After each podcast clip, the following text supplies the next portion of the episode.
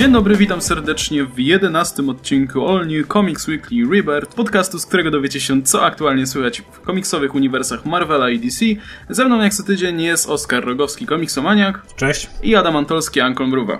Hej wszystkim. E, I tak jak tydzień temu tutaj reklamowałem materiał Adama, tak, tak się złożyło, że w tym tygodniu e, obaj tutaj opublikowaliście w zasadzie materiały na ten sam temat. Temat, o którym mówiliśmy dosyć długo, mieliśmy nawet długą dyskusję i pojawiał się też w newsach, czyli e, Ultimate Cup, e, Cup, Ultimate Cut e, Batman v Superman.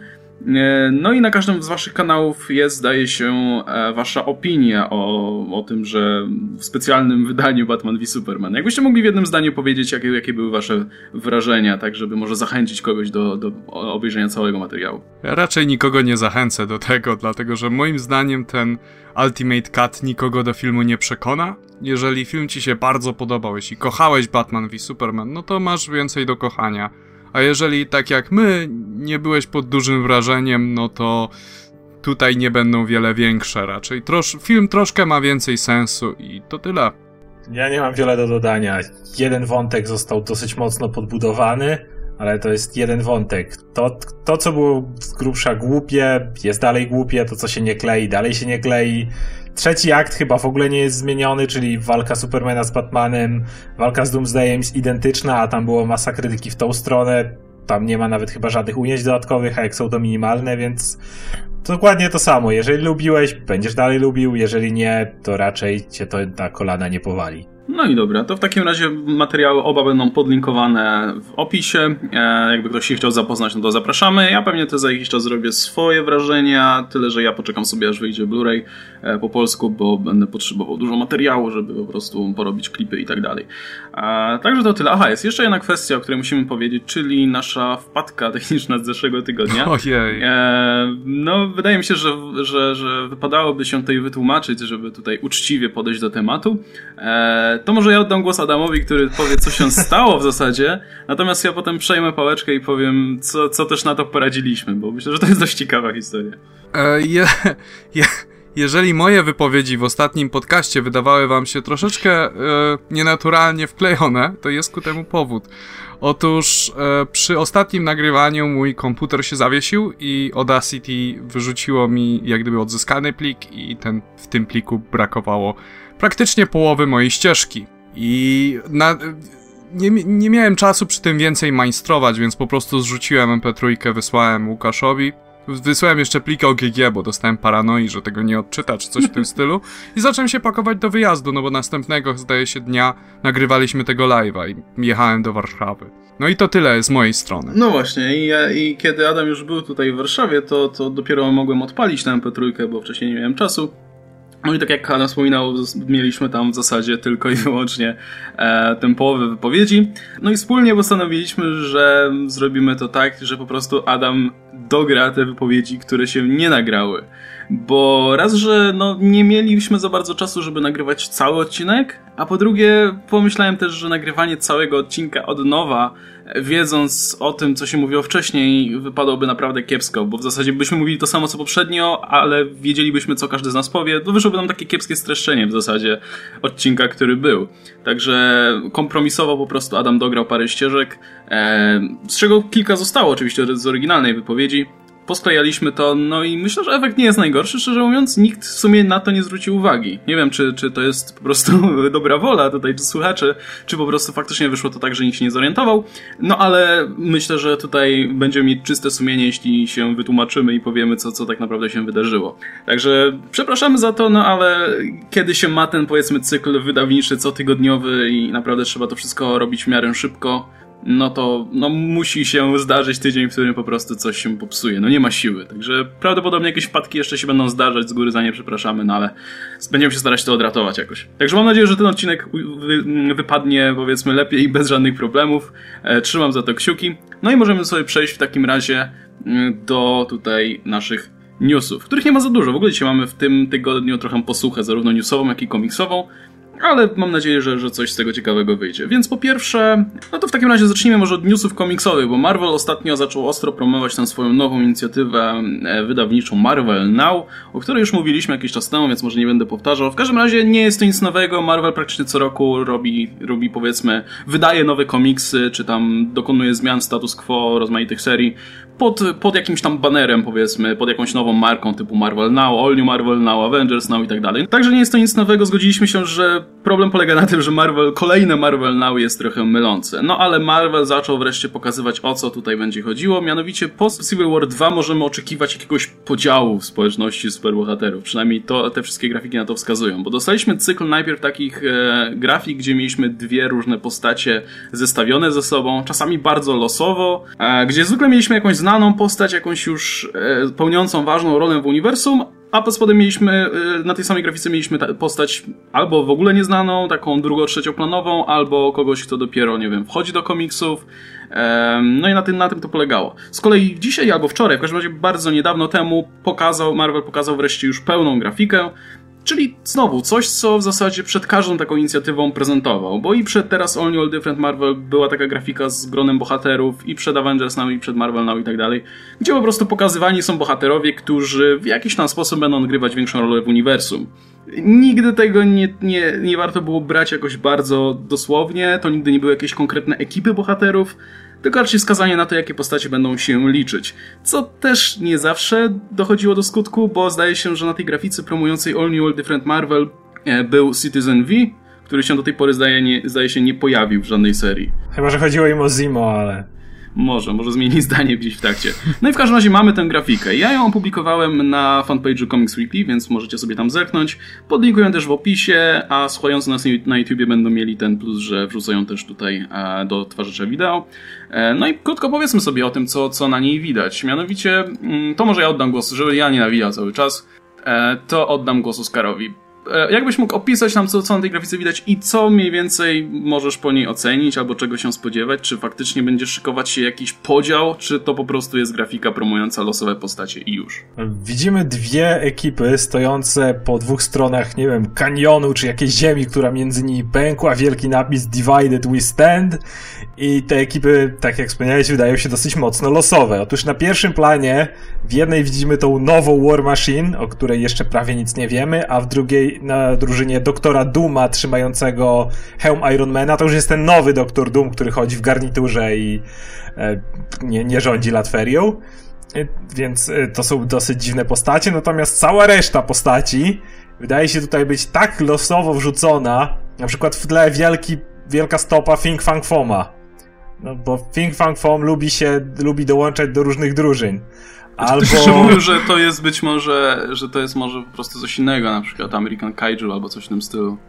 Ale Myślę... też, też wydaje mi się, że to jest Fing Fang Myślę, że to jest Fing Fang Fom. E, a w drugiej drużynie szczególnie trzy postacie, które tak normalnie dobrze, że stoją po jakiej stronie. Gwenpool, Squirrel Girl i Lunella Lafayette, a.k.a. Moon Girl. No, no właśnie, to, to, wskazuje na to, że to nie będą jakieś, że, że ta grafika nie pokazuje jakiegoś realnego podziału, tylko mhm. coś bardziej, myślę, ogólnego, że to wygląda po prostu bardziej jakby chcieli podzielić też tych bohaterów na dwie grupy, na tę grupę bohaterów takich, bar, którzy dłużej istnieją w uniwersum, bo jest to Cable, Kapitan Ameryka, Gamora, znaczy, to, to, to, są zarówno postacie pierwszoplanowe, jako te takie mniej znane, ale które no, też są slapstick. w uniwersum od dawna, typu Slapstick na przykład. Jest Elektra, Maria Hill, Jessica Jones i tak dalej. Natomiast po drugiej stronie mamy w większości, bo też nie wszyscy, ale w większości są to postacie albo nowe, albo są to żółtodzioby, albo są to jacyś bohaterowie, którzy niedawno weszli do komiksów, czyli właśnie jak Riri Williams, czyli ta nowa War Machine, jak właśnie mm, ta Lunella Lafayette, tak, czyli Moon Girl, albo nie wiem, nowy Hulk, Miles, Kamala, no i Doktor Strange z jakiegoś powodu, nie wiem dlaczego. To też jest nowa Wasp. No jest nowa Wasp, ona się nazywała Nadia, tak? Nadia, tak. Czegoś, no tak? No, no i oczywiście tak. mozaik, mozaik. Mozaik. Tak, o mozaiku bo... za moment powiemy sobie dłużej, bo to jest postać, która zdaje się będzie też jakoś promowana bardziej. No i ja tutaj widzę w ten sposób ten podział. Może będą chcieli zarysować taki podział w tych komiksach między tymi właśnie postaciami starszymi, tą taką starszą gwardią, a młodymi, nowymi, albo postaciami jak, nie wiem, Doktor Strange, które się w jakiś sposób z nim utożsamiają. Chociaż ja się składam, skłaniam do tego, że to jest tylko bardzo takie umowne i, i, I tak naprawdę nic, nic konkretnego z tego nie da rady wyczytać i nie warto, bo, bo komiksy będą sobie biegły swoją drogą. Ale faktycznie po prawej stronie są zdecydowanie ci młodsi bohaterowie, E, nawet nie tyle, że e, mają mniejszy staż coś takiego, co po prostu się pojawili później. E, I nawet jest ta okładka All New, All Different Avengers, gdzie Kamala Khan, Miles Morales i Sam Alexander palą swoje identyfikatory Avengers. Wiesz, bunt nastolatków. No właśnie, może, może po prostu... Fuck you, dad. może, ci, może po Civil War 2 po prostu ci młodzi stwierdzą, że są zmęczeni tymi przepychankami, które odwalają ci starzy, no bo, za, no bo większość powiedzmy tych postaci, które grają jakąś rolę w Civil War 2 są po tej drugiej stronie, jak wiesz, Carol, jak, e, no Ironmana nie ma co prawda, ale jest tam e, właśnie na przykład Black Panther czy, czy, czy Maria Hill. Natomiast po drugiej stronie są właśnie ci młodzi, którzy może po prostu będą zmęczeni już tą starą gwardią i postanowią, nie wiem, działać na swoich zasadach. Nie mam pojęcia. Na czym ma polegać taki podział? Na, na czym? Ja w ogóle nie, w tej chwili nie jestem w stanie sobie wyobrazić będzie kolejny Civil War, gdzie jedni będą ganiać drugich, nudne i było już wałkowane wielokrotnie. Nie, no ja, ja, ja, myślę, że to pokazuje taki ogólny jakiś trend, a nie nic konkretnego po na prostu. pewno. Myślę, że to nie będą dwie różne drużyny, ani nic w tym stylu, dwa różne stronnictwa. Ja mam do was pytanie, czy tło na ma jakieś znaczenie, czy to po prostu taka przypadkowy, przypadkowy mini kanion? Myślę, że to jest po prostu symboliczne, bo, bo wiesz, jest napisany Divided, więc dali kanion. Bo, bo to, to się wiesz, kojarzy... Jest z tym Civil War tak, Secret Wars. też miałem takie skojarzenie. Tam był to też nie jest grafika, która powstała teraz, tylko to jest sklejka z tych wszystkich postaci, które były rysowane wcześniej. Także to, to, to, to, to tło dorzucone jest tak, zresztą widać nawet, nie? nie? Nie jest to tak narysowane od zera. Także myślę, że po prostu dorzucili to, żeby zilustrować te Divided We Stand i już. Jedyna ciekawostka, jaką ja tutaj widzę, właściwie dobra, są dwie. Pierwsza to po stronie mm, tam doktora Duma, starych, będę ich nazywał starzy nowi. Po stronie starych jest Odinson, no e, tak, w nowym I ma, te, i ma, ma ten strój przypominający Thora z Ultimate. Te Świecące cycki. ewidentnie nie ma. Tak, ale widzieliśmy też, że trzyma siekierę, co jest dosyć dziwne. No, w każdym razie Odinson powraca. E, a znaczy, druga wiesz, rzecz... Było widać, było widać ten topór, ale on był tam na tej takiej roztrzaskanej e, powierzchni, także może to był po prostu ten śmieszny Młot, tak. Ultimate już. E, druga rzecz... Gamora albo tak światło pada, ale wydaje mi się, że nie, trzyma czarne ostrze. To jest Ebony Blade, czyli przeklęty miecz Dark Knighta, wokół którego, Black Knighta, przepraszam, wokół którego ta jego miniseria ostatnio, bo to cała historia Black Knighta kręci się wokół tego przeklętego miecza, więc jeśli Gamora się nim posługuje, to chyba ją na jakiś czas uziemią i ona nie będzie kosmiczną bohaterką, tylko właśnie będzie tutaj bo to jest miecz związany z arturiańskimi legendami i tak dalej. Wydaje mi się, że skoro go trzyma, to chociaż wydaje ten miecz może tak po prostu cień pada i on wcale nie jest czarny. Ale jeśli jest Ebony Blade, to może być ciekawa historia, bo... bo no ja to, myślę, że to jest jednak normalny miecz, bo on jest identyczny jak ten drugi, który trzyma, który jest normalny i myślę, że to po prostu cieniowanie takie, bo to rysował e, Mike Deodato Jr., który ma taki jego styl się opiera właśnie na takim mocnym cieniowaniu, zresztą widać po innych postaciach, także myślę, że to jest kwestia cienia po prostu. E, I ostatnia rzecz e, przed mozaikiem e, to to, że narysowali Kate Bishop tak, że przez chwilę zastanawiałem się, kto to jest. I najśmieszniejsze jest to, że narysował ją właśnie w takiej pozie mega wypiętej, co jest tyle zabawne, że ona jest Hawkeye, a był ten cały Hawkeye Initiative, który rysował właśnie na bazie Hawkeye'a facetów tak mega, po prostu nienaturalnie wypiętych. Wiesz, cycki do przodu, tyłek do przodu naraz jednocześnie. Ale to wszyscy wyglądają w ten sposób strasznie dziwnie. Spójrz na Elektrę i Marię Hill na przykład. Czemu one w ten sposób no, stoją? To jest kompletnie nie ma sensu. Tak, ale, ale, ale wydaje mi się, że tutaj ta Kate Bishop wszystko przebija. No to jest ten, ten słynny numer, który tylko kobiety w komiksach, czyli pokazać na front tyłek i cycki jednocześnie. E, natomiast no, to jest o tyle zabawne, że narysował tak Hawkeye, która, z którą jest to skojarzone, że to jest Hawkeye. No, ale mniejsza o to. No nic, to w każdym razie rozumiem, że, że się chyba zgodzimy, że to nie ma co się jakoś bardzo tym sugerować. Chociaż jestem ciekaw, co tam, co tam z tego wyjdzie. Aczkolwiek, no, jak, tak jak wspominałem, praktycznie co roku Marvel coś takiego robi i chciałem się jeszcze dowiedzieć właśnie, co, co sądzicie o tych inicjatywach Marvela tak ogólnie, czy, czy to jest dobry pomysł? Wydaje mi się, że nie. To, że, to, że właśnie jeszcze, jeszcze jedna rzecz, to, że nawet nie, nie tyle sama inicjatywa, bo powiedzmy sama w sobie to tam w sumie ciężko, ciężko o niej powiedzieć, czy jest dobra, czy zła, no bo oznacza po prostu nowe, nowe komiksy, ale sam cykl taki, że mamy teraz od jakiegoś czasu tak, że mamy jeden mniejszy event, a potem duży event, po którym mamy znowu nowe serie i tak dalej. No i tak jedziemy potem tym cyklem praktycznie rok w rok. Trochę za często. To się zaczyna robić frustrujące.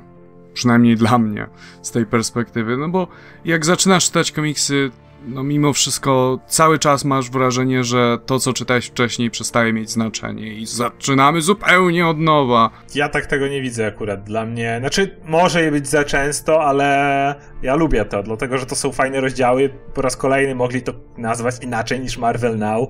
Z tym nie będę się kłócił, co do tego się chyba wszyscy zgadzaliśmy. Natomiast lubię to, że są takie... Hmm, wyraźne rozdziały w życiu jakby uniwersum Marvela i nie jest tak, że, że, że poprzednie historie nie mają znaczenia. Prawie w każdej, y, każdej historii w końcu jakieś stare brudy wychodzą. Czy to u Black Panthera mamy ten motyw, że jego siostra jest takiej trzymana w takim stasis, to jest związane jeszcze z Infinity. Czy chociażby u... teraz czytam Draxa, gdzie wróciła Kami y, cała masa jest tych historii, która gdzieś tam się cały czas splata, gdzieś tam cały czas wychodzi, natomiast lubię te takie wyraźne rozdziały, na przykład, że to się działo w czasie Civil War, to się działo w czasie Fear Itself i okolicach, chociaż to akurat nie był jeszcze taki wyraźny rozdział, ale to było Marvel Now, to jest All New Different Marvel, wiesz w jakich, jakby, gdzie jest ta historia, w jakich ramach, jak wyglądał wtedy świat. I to jest według mnie pomocne, dlatego, że kiedy czytasz często komiksy, to jak ostatnio śmieliśmy się na przykład Miles Morales, który jednocześnie siedzi teraz w więzieniu regenta, jest uwięziony w Negative Zone, śledzi go Jessica Jones na polecenie jego babci, bo babcia podejrzewa, że bierze dragi i pewnie robi coś jeszcze. I normalnie e, w jakich ramach czasowych się to wszystko dzieje, czasami czytelnik może się w tym pogubić. Natomiast kiedy narzucisz konkretne ramy i wiesz, że jakby ta seria komiksów była zamknięta w pewnych ramach czasowych, to już możesz sobie to jakoś ułożyć wszystko w tym miejscu, jakby w tym rozdziale. Kiedy to się wychodzi dalej, no to już się to plącze, uważam, że to jest bardzo pomocne. Także lubię to, ale mogliby wymyślać inne nazwy. E, ja bym jeszcze powiedział tylko, że generalnie bym się zgodził, tylko że myślę, że ten odstęp roczny to jest trochę za mało. Po prostu za mało, żeby te serie się trochę rozwinęły. E, z punktu widzenia czytelnika po prostu konkretnych serii to, to trochę przeszkadza jednak. Na, na, przykład, jak czytałem sobie Captain Marvel, to ta seria nie zdążyła się rozkręcić na dobre, kiedy nagle wpakowano Carol do Civil War 2 i teraz ta seria w zasadzie stanęła w miejscu, no bo mamy Tainy e, i mamy Carol na ziemi. I teraz, kiedy event się skończy, możliwe, że Karol znowu będzie w, jakimś, nie wiem, nowym położeniu i znowu to zmieni coś w komiksach. Także, no, chciałbym, żeby mimo wszystko, e, odpowiada mi generalnie ten cały pomysł właśnie z tymi rozdziałami, ale wolę, żeby były rozłożone, nie wiem, co 2-3 lata, bo to by dało trochę więcej miejsca na po prostu rozwinięcie skrzydeł autorom, którzy mogliby z tymi postaciami w tych nowych rolach, nowych rozdziałach zrobić coś ciekawego. O to mi też chodziło. Nie martwiąc się o to, że nagle im się rzuci weekend, e, nagle im się rzuci event. To tak było na przykład przed, e, z, Avengers Now, zaraz przed Secret Wars. To, to była ta inicjatywa, gdzie się na przykład pojawił Ant-Man, pojawił się, pojawiła się nowa Thor, pojawił się um, Iron Man, Superior Iron Man, czy nowy Cap sama Wilsona. Tylko, że te serie wtedy trwały ile? 6 zeszytów i musiały się zwijać, bo było Civil War I, i wszystkie są kompletnie beznadziejne, z czego większość jest wymagana do tego, żeby czytać teraz te serie, które są teraz, no bo są dalszym ciągiem. Także właśnie, no moje zdanie jest takie, że to jest fajne, tylko że dobrze by było, gdyby miały więcej miejsca na, dla autorów. To z tym się kłócić nie będę. Jeżeli to byłoby co dwa lata, też uważam, że mogło być lepiej. Dobra, to w takim razie, jeśli już się tak ładnie zgodziliśmy, to możemy przejść sobie dalej. A właśnie, mieliśmy pomówić krótko jeszcze o Mozaiku, bo Mozaik ma być prominentnym bohaterem w Marvelu. E, jest to Inhuman, który, który pojawił się teraz w Uncanny Inhuman w ostatnim zeszycie. E, pamiętasz może, który to był, jaki to jest zeszyt? Jedenasty. Jedenasty, e, gdzie się pojawił w zasadzie, nie wiem, na jednej stronie chyba, jako, jako szpieg. No, miał chyba trzy linie dialogowe, dwie. Czy w ogóle miał jakiekolwiek? To, chyba miał jako, tylko... jako, wiesz, jakby opętywał tych ludzi, to oni tak, tak, mówili, więc prawda. jakby on. No.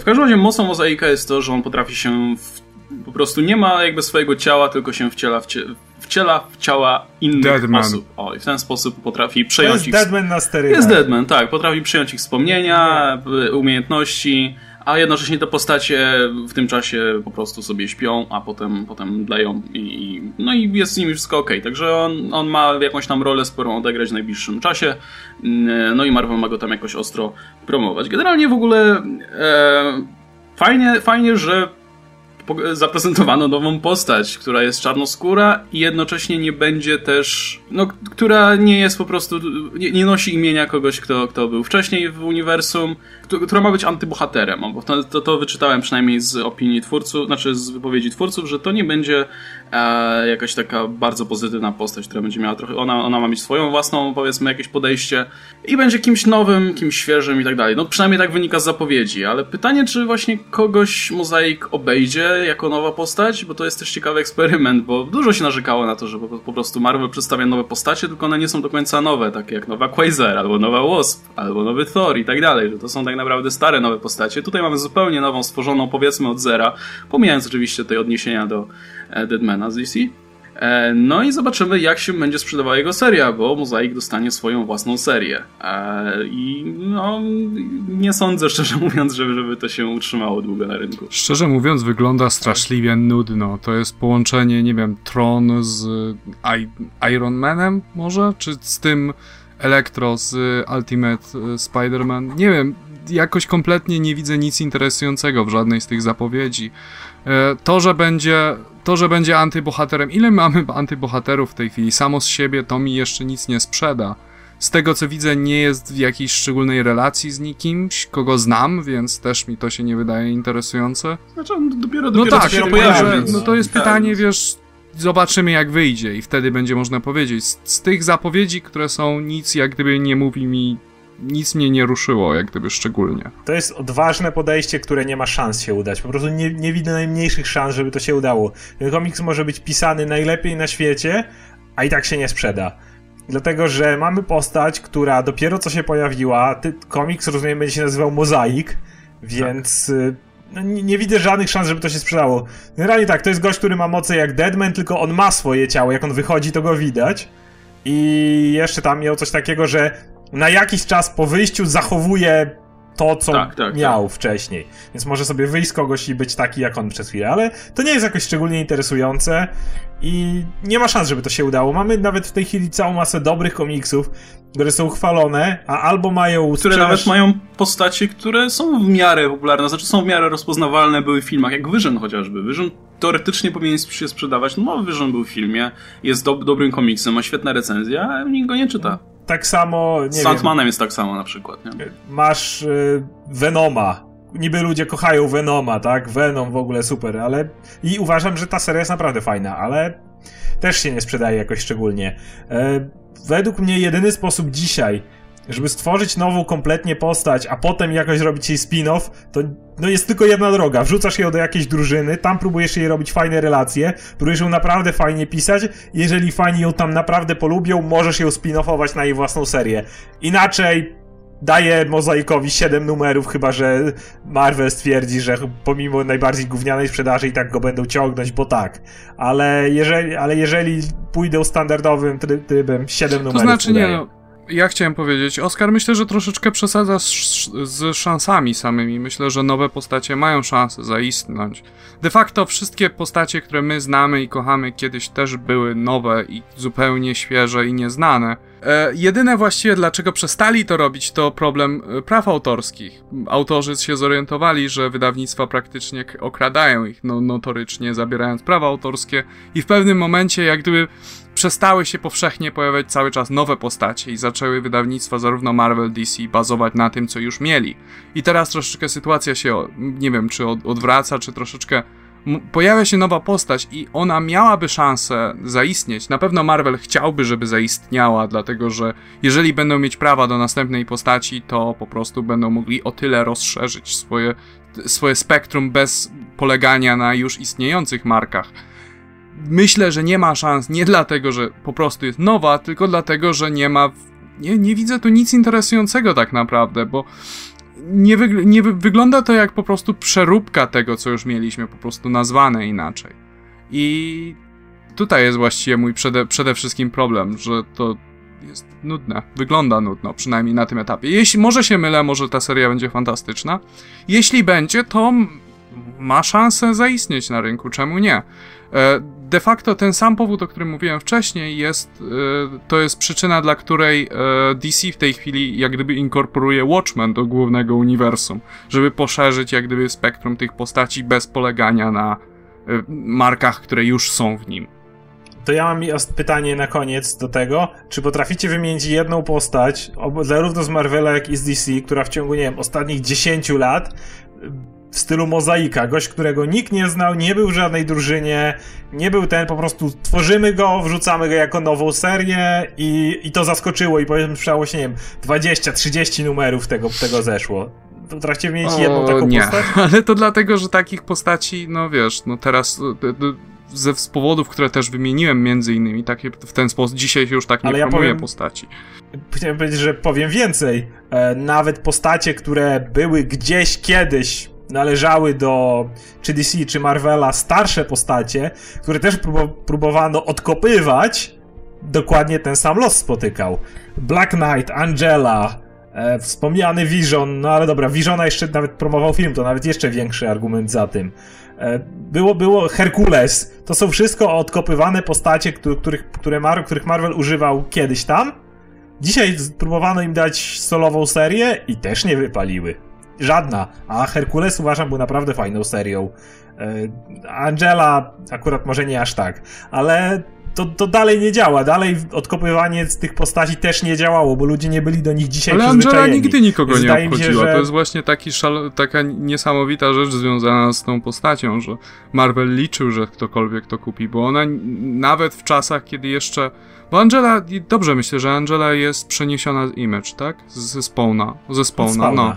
Ja to ona nawet wtedy nikogo nie obchodziła i wtedy była potwornie nudną i banalną postacią. Zresztą popatrz na nią, jest Angela! No tak, tak, ale...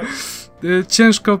Ale mówię, jest to Herkules, Black Knight, brano, mógł, pewnie gdybym się zastanowił, wymieniłbym ci jeszcze przynajmniej parę takich postaci, które kiedyś istniały, Marvel na jakiś czas o nich zapomniał i dzisiaj spróbował ich wykopać i od razu dać im solowe serie. Mam Żadna jedną, z tych serii mam jedną i się wiąże z newsem i to jest Midnighter. A Midnighter będą mieć teraz e, miniserię Midnighter and Apollo jest, był news zapowiedziany. Znaczy, Tylko przeczytałem nagłówek, nie ale, pamiętam. Ale mi, mi, miniserię, natomiast nie Ale jest to, to postać, która się bardziej, bo... sprzedawała i miała sukces pewien i ma całą sporą, całkiem sporą fanbazę.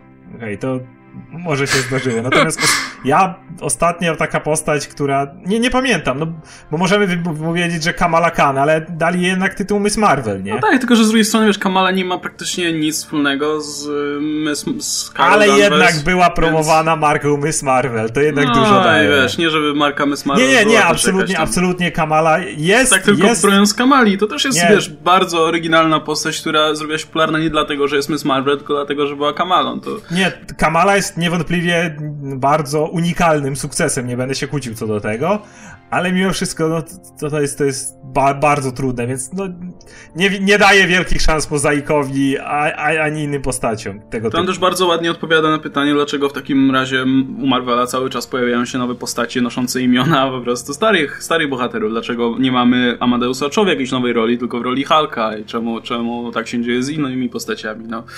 E, to ja, ja zdaję sobie sprawę oczywiście, że wy to wiecie, ale mm, cały czas nasi pewnie słuchacze się nad tym zastanawiają. No i odpowiedź jest właśnie prosta. Sprawy, kwestia tego, że te serie się wtedy lepiej sprzedają, jeśli są promowane naz nazwą Spider-Man albo Hawkeye, albo, m, albo właśnie czymś w tym stylu. Ja bym nie? mimo wszystko wolał, żeby y, próbowali cały czas tworzyć nowe postacie, bo co jakiś czas ten pomysł zaskakuje i wiesz, jeżeli popatrzysz na przeszłość, to często jest tak, że postać przejmowała zupełnie nowe miano w momencie, jak miała nowy rozdział w swoim życiu. Jak Nightwing chociażby. Ale właśnie, do, do Nightwing jest świetnym przykładem tego, o czym mówiłem. Jeżeli zaczniesz tą postać u kogoś innego, jeżeli zaczniesz go w drużynie, Nightwing zaczynał jednak jako Robin mm-hmm. dopisek do Batmana, no oczywiście. To. Jeżeli zaczniesz tą postać w drużynie, jeżeli najpierw ją tam wpleciesz, pokażesz jej relację tam, to jest szansa na spin-off. I to działało już. Natomiast jeżeli próbujesz tą postać natychmiast walnąć na, na front, natychmiast dać jej serię, no to historia pokazuje, że ludzie tego po prostu nie chcą czytać, nie kupują i nie ma sensu tego Jeśli ja bym był dawał szansę, jeśli ja bym dawał szansę komuś kompletnie nowemu, ja jeszcze inną drogę widzę, żeby zaczynała jak gdyby w Elseworldzie, czyli takim takiej historii wyjętej z kanonu, żeby się nie musieli przejmować całą resztą uniwersum i dopiero wtedy, jeśli osiągnie sukces, można by było ją jakimś cudem przenieść do głównego uniwersum. Bo Midnighter też w sumie się tak przeniósł, no, z uniwersum Wildstorm. No ja powiem szczerze, że aż mi tak ta, ta praktyka z prezentowaniem, nie wiem, następców w rolach jakichś bohaterów nie przeszkadza. Tak patrzę na tę grafikę, cały czas mam ją przed sobą e, i szczerze mówiąc e, ta ekipa wygląda i dla mnie w miarę ciekawie, głównie dlatego, że oczywiście już ich tam skądś kojarzę. I ogólnie jednak może zakończę pozytywną taką nutą, że generalnie cieszy mnie to, że się jednak promuje jakieś postaci, które nie są po prostu, wiecie, Thorem, Kapitan Ameryką i tak dalej, że się próbuje wcisnąć w to też, nie wiem, Kate Bishop, czy, czy tą, nie wiem, Squirrel Girl, czy, nie wiem, tego mozaika naszego. No, Lunella, które, a kto kojarzy, kto, kto kojarzy Moonboya? Ona jest no nie, no, ale kto kojarzyłby Moonboya? No więc... nie, myślę, że to niego, wiesz, Devil Dinosaur jest, ma większą fanbazę tak, niż Moonboy. Tak. W ogóle ciekawe, że ona dalej jest. Myślałem, że tą serię skancelują, ale ewidentnie ją reklamują, więc chyba no, dalej... ma jakieś tam grono, które, które to kupuje. Zresztą, wiesz, no Squirrel Girl też jest komiksem, który się kompletnie nie sprzedaje ze szytami. E, trochę nadrabiają trady, ale to najwyraźniej jest takie, wiesz, grono ludzi, którzy pewnie kupują tylko Squirrel Girl, nic więcej. Ale to albo... fajnie, to fajnie, że są no. takie komiksy, które są... Fajnie, że one, że właśnie one nie są kancelowane mimo tego, tak, że, że tak, to, to w porównaniu znaczy, że... do, nie wiem, Ironmana się sprzedają gorzej. To jest fajne, że jest takie grono ludzi, którzy tak samo zakładam Spider-Gwen, na przykład do mnie za cholerę nie trafia, ale słyszałem, że to jest po prostu głównie dla kobiet, które miały swoją bohaterkę w stylu Spidermana i Spider-Gwen się sprzedaje. Także nie czytam, ale ale mnie to cieszy. Ja się dziwię, że jej tu nie ma, szczerze mówiąc, no ale... No. A, bo, bo myślałem, że będą ją bardziej promować, no ale pewnie już nie potrzebuję tego właśnie. No, to jest, to jest ciekawe, naprawdę. No dobra, to tak całkiem ciekawa dyskusja nam wyszła z głupiej grafiki, którą Marvel próbuje promować swoje następne komiksy. No dobra, to czekamy na ten, na ten Marvel Now, no i zobaczymy. No dobra, to w takim razie przejdźmy sobie do newsów około filmowych. Tego też nie mamy za dużo i z racji tego, że przy komiksowych newsach mówi się o Marvelu, to teraz mówimy sobie o DC Expanded Universe. E, mianowicie po pierwsze sprostowanie. Tydzień temu mówiliśmy o tym, że Suicide Squad ma, ma być bardzo krótki. E, no i już po naszym nagraniu pojawił się news, że jednak nie będzie tak krótki, że ma mieć 130 minut, zdaje się, razem z napisami i ze wszystkim. E, co już jest taką, powiedzmy, rozsądną ilość, długością, taką standardową bardzo, nie? Więc, więc tutaj nie ma co się specjalnie dziwić. Możliwe, że właśnie z tymi dokrętkami i tak dalej tyle, tyle już wynosi. E, więc to tak e, tutaj odnośnie, bo w ogóle masa komentarzy się pojawiła, że ej, tam dajcie adnotację czy coś, także gwoli tej ścisłości poprawiamy. E, no i jeszcze jedna rzecz, a nie, mam jeszcze dwa newsy. No to jeszcze, jeszcze ten przedostatni news, czyli to, co się pojawiło w zasadzie dzisiaj, czyli fotki z planu Aquamena. I fotki, wiadomo, nie, to nie jest nic specjalnego, ale one coś tam nam mówią o, o samym filmie. Mianowicie to, że widać na nim, że Jason Momoa jest całkiem takim wygląda bardzo komiksowo. Dalej oczywiście ma te swoje długie włosy, tatuaże i tak dalej, ale widzę, że ma pofarbowane włosy na blond, przynajmniej te końcówki. Ma takie modne mm -hmm. ombre, widzę, bardzo ładnie. E, no i ta jego zbroja jest taka bardzo błyszcząca, złota, tak. bardzo fajna. Znaczy zbroja, to jest takie... To jeden to shoulder coś, pad. Tak, to takie gladiatorskie coś, co nosił tam w komisach w latach 90. A w ogóle to właśnie, to, to powinienem powiedzieć na samym początku, ale generalnie nagrywamy ten podcast zaraz przed meczem Polaków, także jeśli będziecie słyszeć za, e, w nagraniu trąbki, okrzyki i tak dalej, to prawdopodobnie mecz się zaczął i przepraszamy za to, ale nie da się z tym nic zrobić, bo jest za duży upał, żebym miał zamknąć okno. E, wracając do Aquamana, e, no to mamy, mamy te fotki z właśnie Jasonem Momoa na green screenie. No i jak wam się podoba Jason Momoa w roli Aquamana z tych fotek? Oczywiście fotki też będą podlinkowane pod, pod, w poście i w opisie. Wygląda jak idealny Aquaman właśnie z lat 90., co jest, co ma zarówno plusy, jak i minusy. E, moim zdaniem to był trafny wybór. Wydaje mi się, że ten mm, Aqua, ta wersja Aquamana jest najbardziej wizualnie interesująca, że można by było sprzedać, sprzedać ją na plakacie po prostu. I e, szczerze mówiąc, e, bardzo mi się podoba to, e, ten cały projekt. Podoba mi się to, że poszli nawet z tymi shoulder padami i z wszystkim. E, natomiast czego się nie spodziewałem, właśnie ta kolorystyka, o której mówiłeś, dlatego że widzieliśmy wcześniej tę grafikę, no i widzieliśmy Batman v Superman, jak sobie walił klocka pod, pod wodą. E, tutaj widać, że będzie to prawidłowa złota zbroja z łuskami i z wszystkim i będzie mieć blond włosy, więc to, to no i widzieliśmy oczywiście jego, no nie trójząb, pi, pięcioząb, jego, jego pięcioząb, który też wygląda naprawdę świetnie. Wygląda jak, wiesz, menora jakaś. E, no i ma A, A na pasie stylizowane, więc to, to się... A, to się... To, ja uwielbiam, uwielbiam właśnie to, że ma A na pasie, tak jak Apokalips tak zawsze miał te wielkie A na pasie, które mu przypominało chyba jak ma na imię. Jak więc, masz więc wątpliwości, to popatrz na pas i już... Ale ma to logo, które mu Luthor wymyślił, Tak, więc właśnie tak najwyraźniej myślę, mu się że- spodobało. Że popatrzył w dane LexCorpu, o, Nie, tego potrzebowałem. To jest dobre, te... co myślę na nie, ja to myślę, wyobrażam sobie inaczej, że Lex Luthor po prostu jak podglądał Aquamana, to zwrócił uwagę na pas. I w tym momencie, o, to, to jest, do, No to jest dobry zdjęty. design. No miał zdjęty tam gdzieś na rafie założony, prawda? I wiesz, i akurat ten dron podwodny zauważył ten pas i o, to jest, to jest dobry design, użyję go do mojej ikonki, do tych plików. Nie wiem, gdzie bym, bym wpadł na pomysł na design Flasha, też bardzo ładna błyskawica. Ja, właśnie, miałem okazję się wreszcie, z racji tego, że wyszedł, wyszło to Ultimate Cut, przyjrzeć się wreszcie temu Flashowi, który się tam pojawił na moment w Batman v Superman. E, I cały czas, cały, cały czas się zastanawiam, po cholery mu, mu jest ta zbroja, której się tam pojawia, bo on się w tej scenie, gdy, gdy Bruce Wayne ma ten e, sen w śnie, pojawia w takiej zbroi, która się otwiera i dopiero widać twarz Flasha w tej takiej masce czerwonej. E, I zacząłem się zastanawiać, czy on potrzebuje zbroi do podróży w czasie? I w sensie, po co Flashowi zbroja do podróży w czasie? Czy nie mógłby po prostu biec wystarczająco szybko, żeby się przenieść w czasie? E, a wy widzieliście No, właśnie no, już ten no. Ultimate Cut. To, to co, co sądzicie o tym Flashu? Jak już mówimy o Aquamanie, to powiedzmy sobie krótko o Flashu, którego tam Wiesz co, ja, ma, ja wstrzymuję opinię, bo nie mam pojęcia, o ten strój mi się wydawał tak dziwny, ja w ogóle e, jak teraz oglądałem, to pamiętam z kina, że zupełnie inaczej wyglądał i, i jak teraz właśnie miałem okazję przyjrzeć się mu dokładniej, to jest jeszcze dziwniejszy i nie wiem, czy ta zbroja ma go chronić przed Speed Force, czy coś takiego, czy... No bo w komiksach ilekroć Flash chciał podróżować po czasie, to nie mógł po prostu sobie pobiec. I ten potrzebował jakiejś dodatkowej pomocy, na przykład kosmicznej bieżni, czy czegoś w tym stylu. Tu to może pełnić podobną rolę, tak mi się wydaje. A co E, W zbroi się przecież biega wolniej jeszcze. no ale to może jest, nie jakiś pancerz wspomagany albo go chroni właśnie przed taką niszczycielską siłą Speed Force, która jest przecież piorunem. Nie mam pojęcia, szczerze mówiąc. No, strój... Tak zrobili w, tele, w serialu telewizyjnym i tak samo jest zresztą w komiksach od jakiegoś czasu, że e, strój e, strój Flasha ma go chronić przed, wiesz, przed uderzeniami o powietrze, przed, przed tarciem po prostu, przed ciepłem, Ciepłem. i tak dalej. No. No to może być to ekwiwalent tego, tylko że przy podróży w czasie. I tyle. Ta, ta zbroja jest dosyć dziwna, ale już potwierdzono, że w Justice League ogólnie ma być bardzo podobna relacja między Flashem i Batmanem, co między Iron Manem i Spider-Manem w Civil War. I ma być coś takiego. Ta scena, która można jej opis znaleźć w wielu miejscach, bo ona była pokazywana dla dziennikarzy na set visit w Justice League, w której y, właśnie Bruce Wayne widzi ten kostium domowej roboty Flasha, którą on zrobił z jakichś tam pewnie ukradzionych czy coś tak, tam. tak, on ma mieć jakieś w ogóle rurki i inne rzeczy. Tak, taki- po to, żeby, żeby go wentylować, a później on, Wayne Tech tworzy mu kostium, który już jest solidnie zabezpieczający przed ciepłem, więc może to jest jakaś wariacja tego, może to jest jakiś kostium, który mu Batman zrobił. Bruce lubi zbroję w, Natomiast- w tym uniwersum, więc może mu po prostu dla, Tak, dla lubi że hej, będzie mieć zbroję.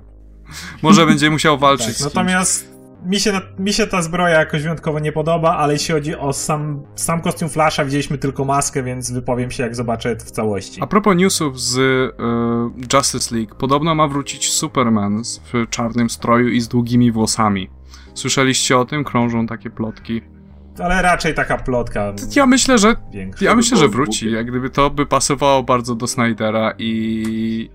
Znaczy już, wiesz, pokazali w No, finale no, no. Tam, że ta ziemia się unosi, więc Superman żyje. To nie jest No tak, tak, że tak, ale wszyscy chodzi mamy o- dalej myśleć, że nie żyje. Już wiemy, że żyje. Także na o pewno wróci. Chociaż myślę, że kostium.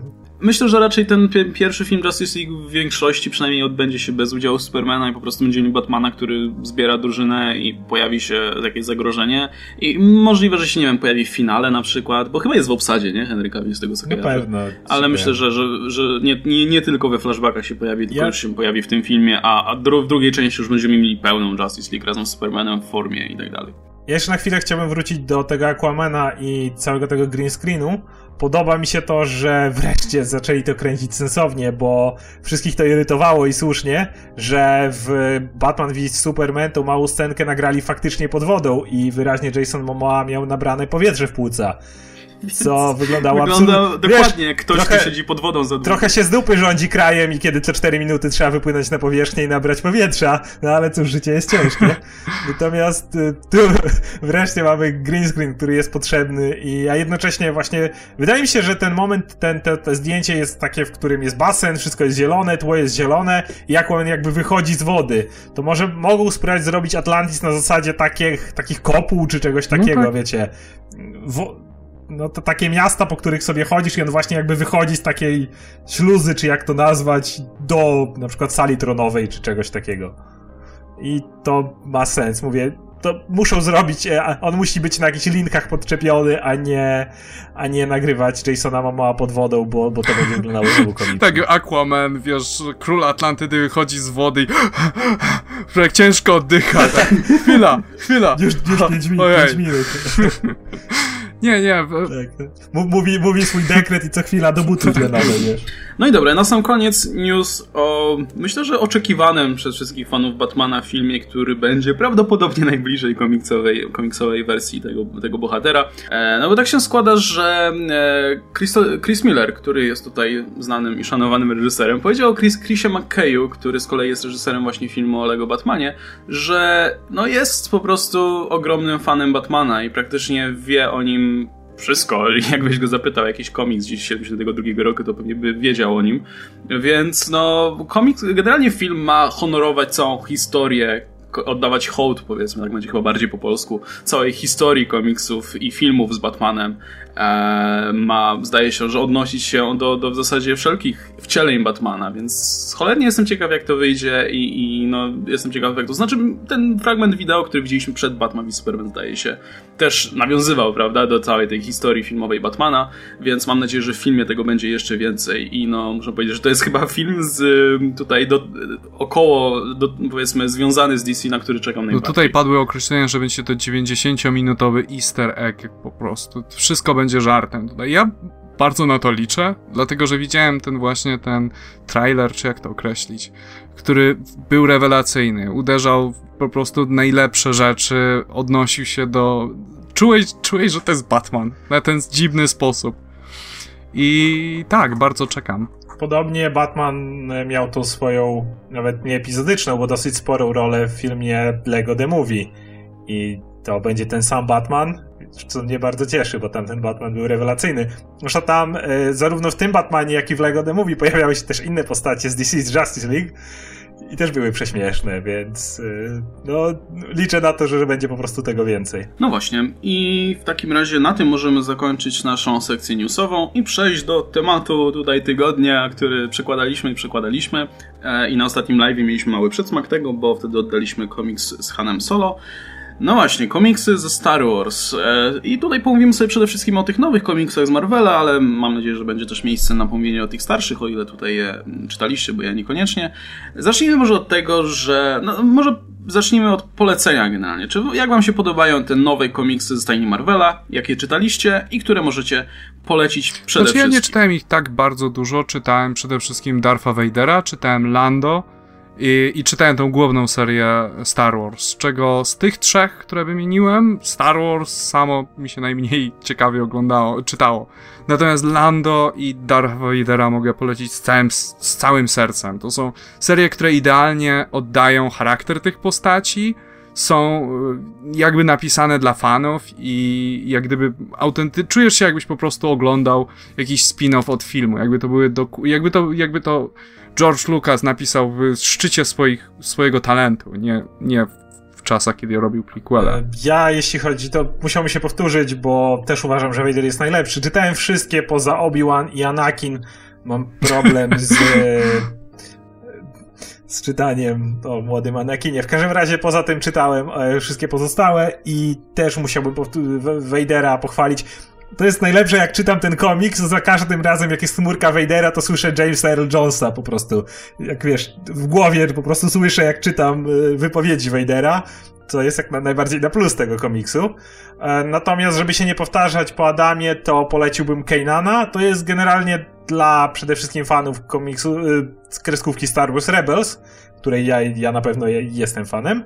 E, Natomiast to jest bardzo fajnie pokazany element tej tak zwanej czystki rozkazu 66, kiedy Jedi musieli się ukrywać i właśnie jest gość, który jest padałanem, dopiero co od paru miesięcy właściwie miał swoją mistrzynię, wcześniej spędził e, całe życie w świątyni Jedi, dopiero od paru miesięcy w Wojnach Klonów walczył i nagle jest właśnie w tej sytuacji, kiedy Y, żołnierze, z którymi, u boku których walczył, nagle na niego polują. Nigdzie nie ma żadnych sojuszników. Musi zmienić imię, nazwisko, zacząć inny tryb życia, schować miecz świetlny i uważam, że to jest bardzo fajnie przedstawione. Chyba jest bramka, bo wszyscy krzyczą. No, no to dobrze. U mnie też, więc Od, tak. Ja odświeżam live score i chcę zobaczyć, czy coś, czy faktycznie Myślę, że jest, tak. co się stało, ale jest 0-0 cały czas tutaj. A faktycznie jest bramka, Ale lol. jaja. Słyszę też, że to się jest. No nieźle. 1-0 z Portugalią. W ogóle to chyba pójdzie do tego odcinka w takim razie. Jak komentujemy mecz po prostu w losowych momentach. No dobra, a propos, dobra, ucichły śpiewy, więc mogę kontynuować.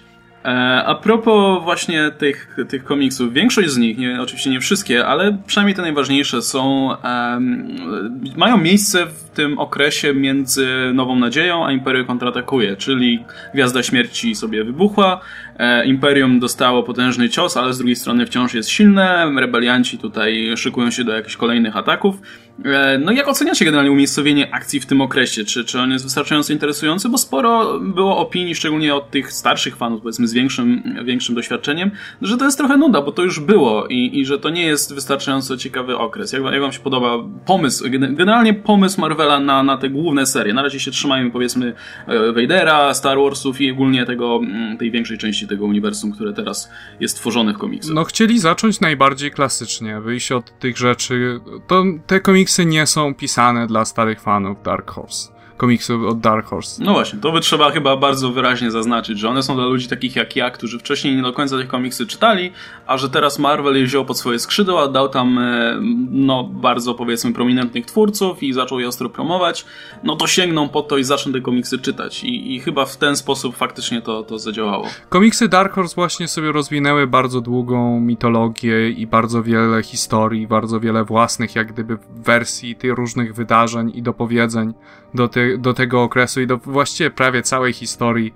Natomiast Marvel dopiero zaczyna i gdzie indziej miałbyś zaczynać jak od właśnie od starej trylogii, od, tych, od tego najbardziej ikonicznego momentu dla Star Wars, bo możemy mówić o prequelach, możemy mówić o Force Awakens, ale ilekroć myślisz o Star Wars, najpierw myślisz o starej trylogii, a dopiero później o tym wszystkim innym. Więc moim zdaniem to jest naprawdę świetny wybór. Przy okazji mieliśmy mieliśmy okazję właśnie wrócić jak gdyby do tych postaci z nowej perspektywy kompletnie. Nie brakowało mi określenia. E, I tak, mi to podejście bardzo odpowiada, szczerze mówiąc. A jak, jak oceniasz jeszcze, za, za- zaraz Oskar się odpowie na ten sam temat, ale jak jeszcze byś ocenił w takim razie pracę scenarzystów i rysowników w oddaniu tego klimatu w tych O, są fantastyczne. Char mój ulubiony to jest Lando, Charlesa Soul, który po prostu oddaje Lando perfekcyjnie. Jak gdy, i, i cały komiks opiera się o, o tym, że Lando próbuje spłacić długi i się zaczyna w coraz większe kłopoty wprowadzać. To jest jak gdyby esencja tej postaci i wędruje sobie tam z gościem, kto on się nazywa Lobot, to jest ten, ten, ten Lobot. ziom z takimi, e, nie wiem jak to nazwać, implantami, Implantami. na głowie. Implanty. E, I e, jak gdyby perfekcyjnie to oddaje właśnie charakter tej postaci, to jaki jest smooth i jak potrafi na przykład, e, wiesz, rozmawiać z kobietami, czy z innymi ludźmi nawet. I e, no i podobnie jest z Darthem Vaderem, który moim zdaniem bardzo też oddaje bardzo duży hołd tej postaci. Ale i co jest naprawdę niesamowite w Vaderze dla mnie, to jest to, że są okazjonalne odniesienia do jego życia jako Anakina Skywalkera. I za, za, zaczynają one działać jak gdyby w kontekście tego komiksu, gdzie e, jak pamiętasz pierwotną scenę z prequeli, to ona była beznadziejna i okropna. Natomiast w tym komiksie to odniesienie staje się nagle platformą do czegoś, do, jakiego, do jakiegoś autentycznie emocjonalnego przeżycia. I to jest naprawdę niesamowite. Vader jest pisany rewelacyjnie i właśnie tak jak powiedziałeś, umieszczenie w tym okresie pozwala bardziej się jakby zakorzenić, szczególnie dla ludzi, którzy jeszcze nie mieli aż tyle styczności z Expanded Universe, o którym pewnie jeszcze dwa słowa zaraz powiemy.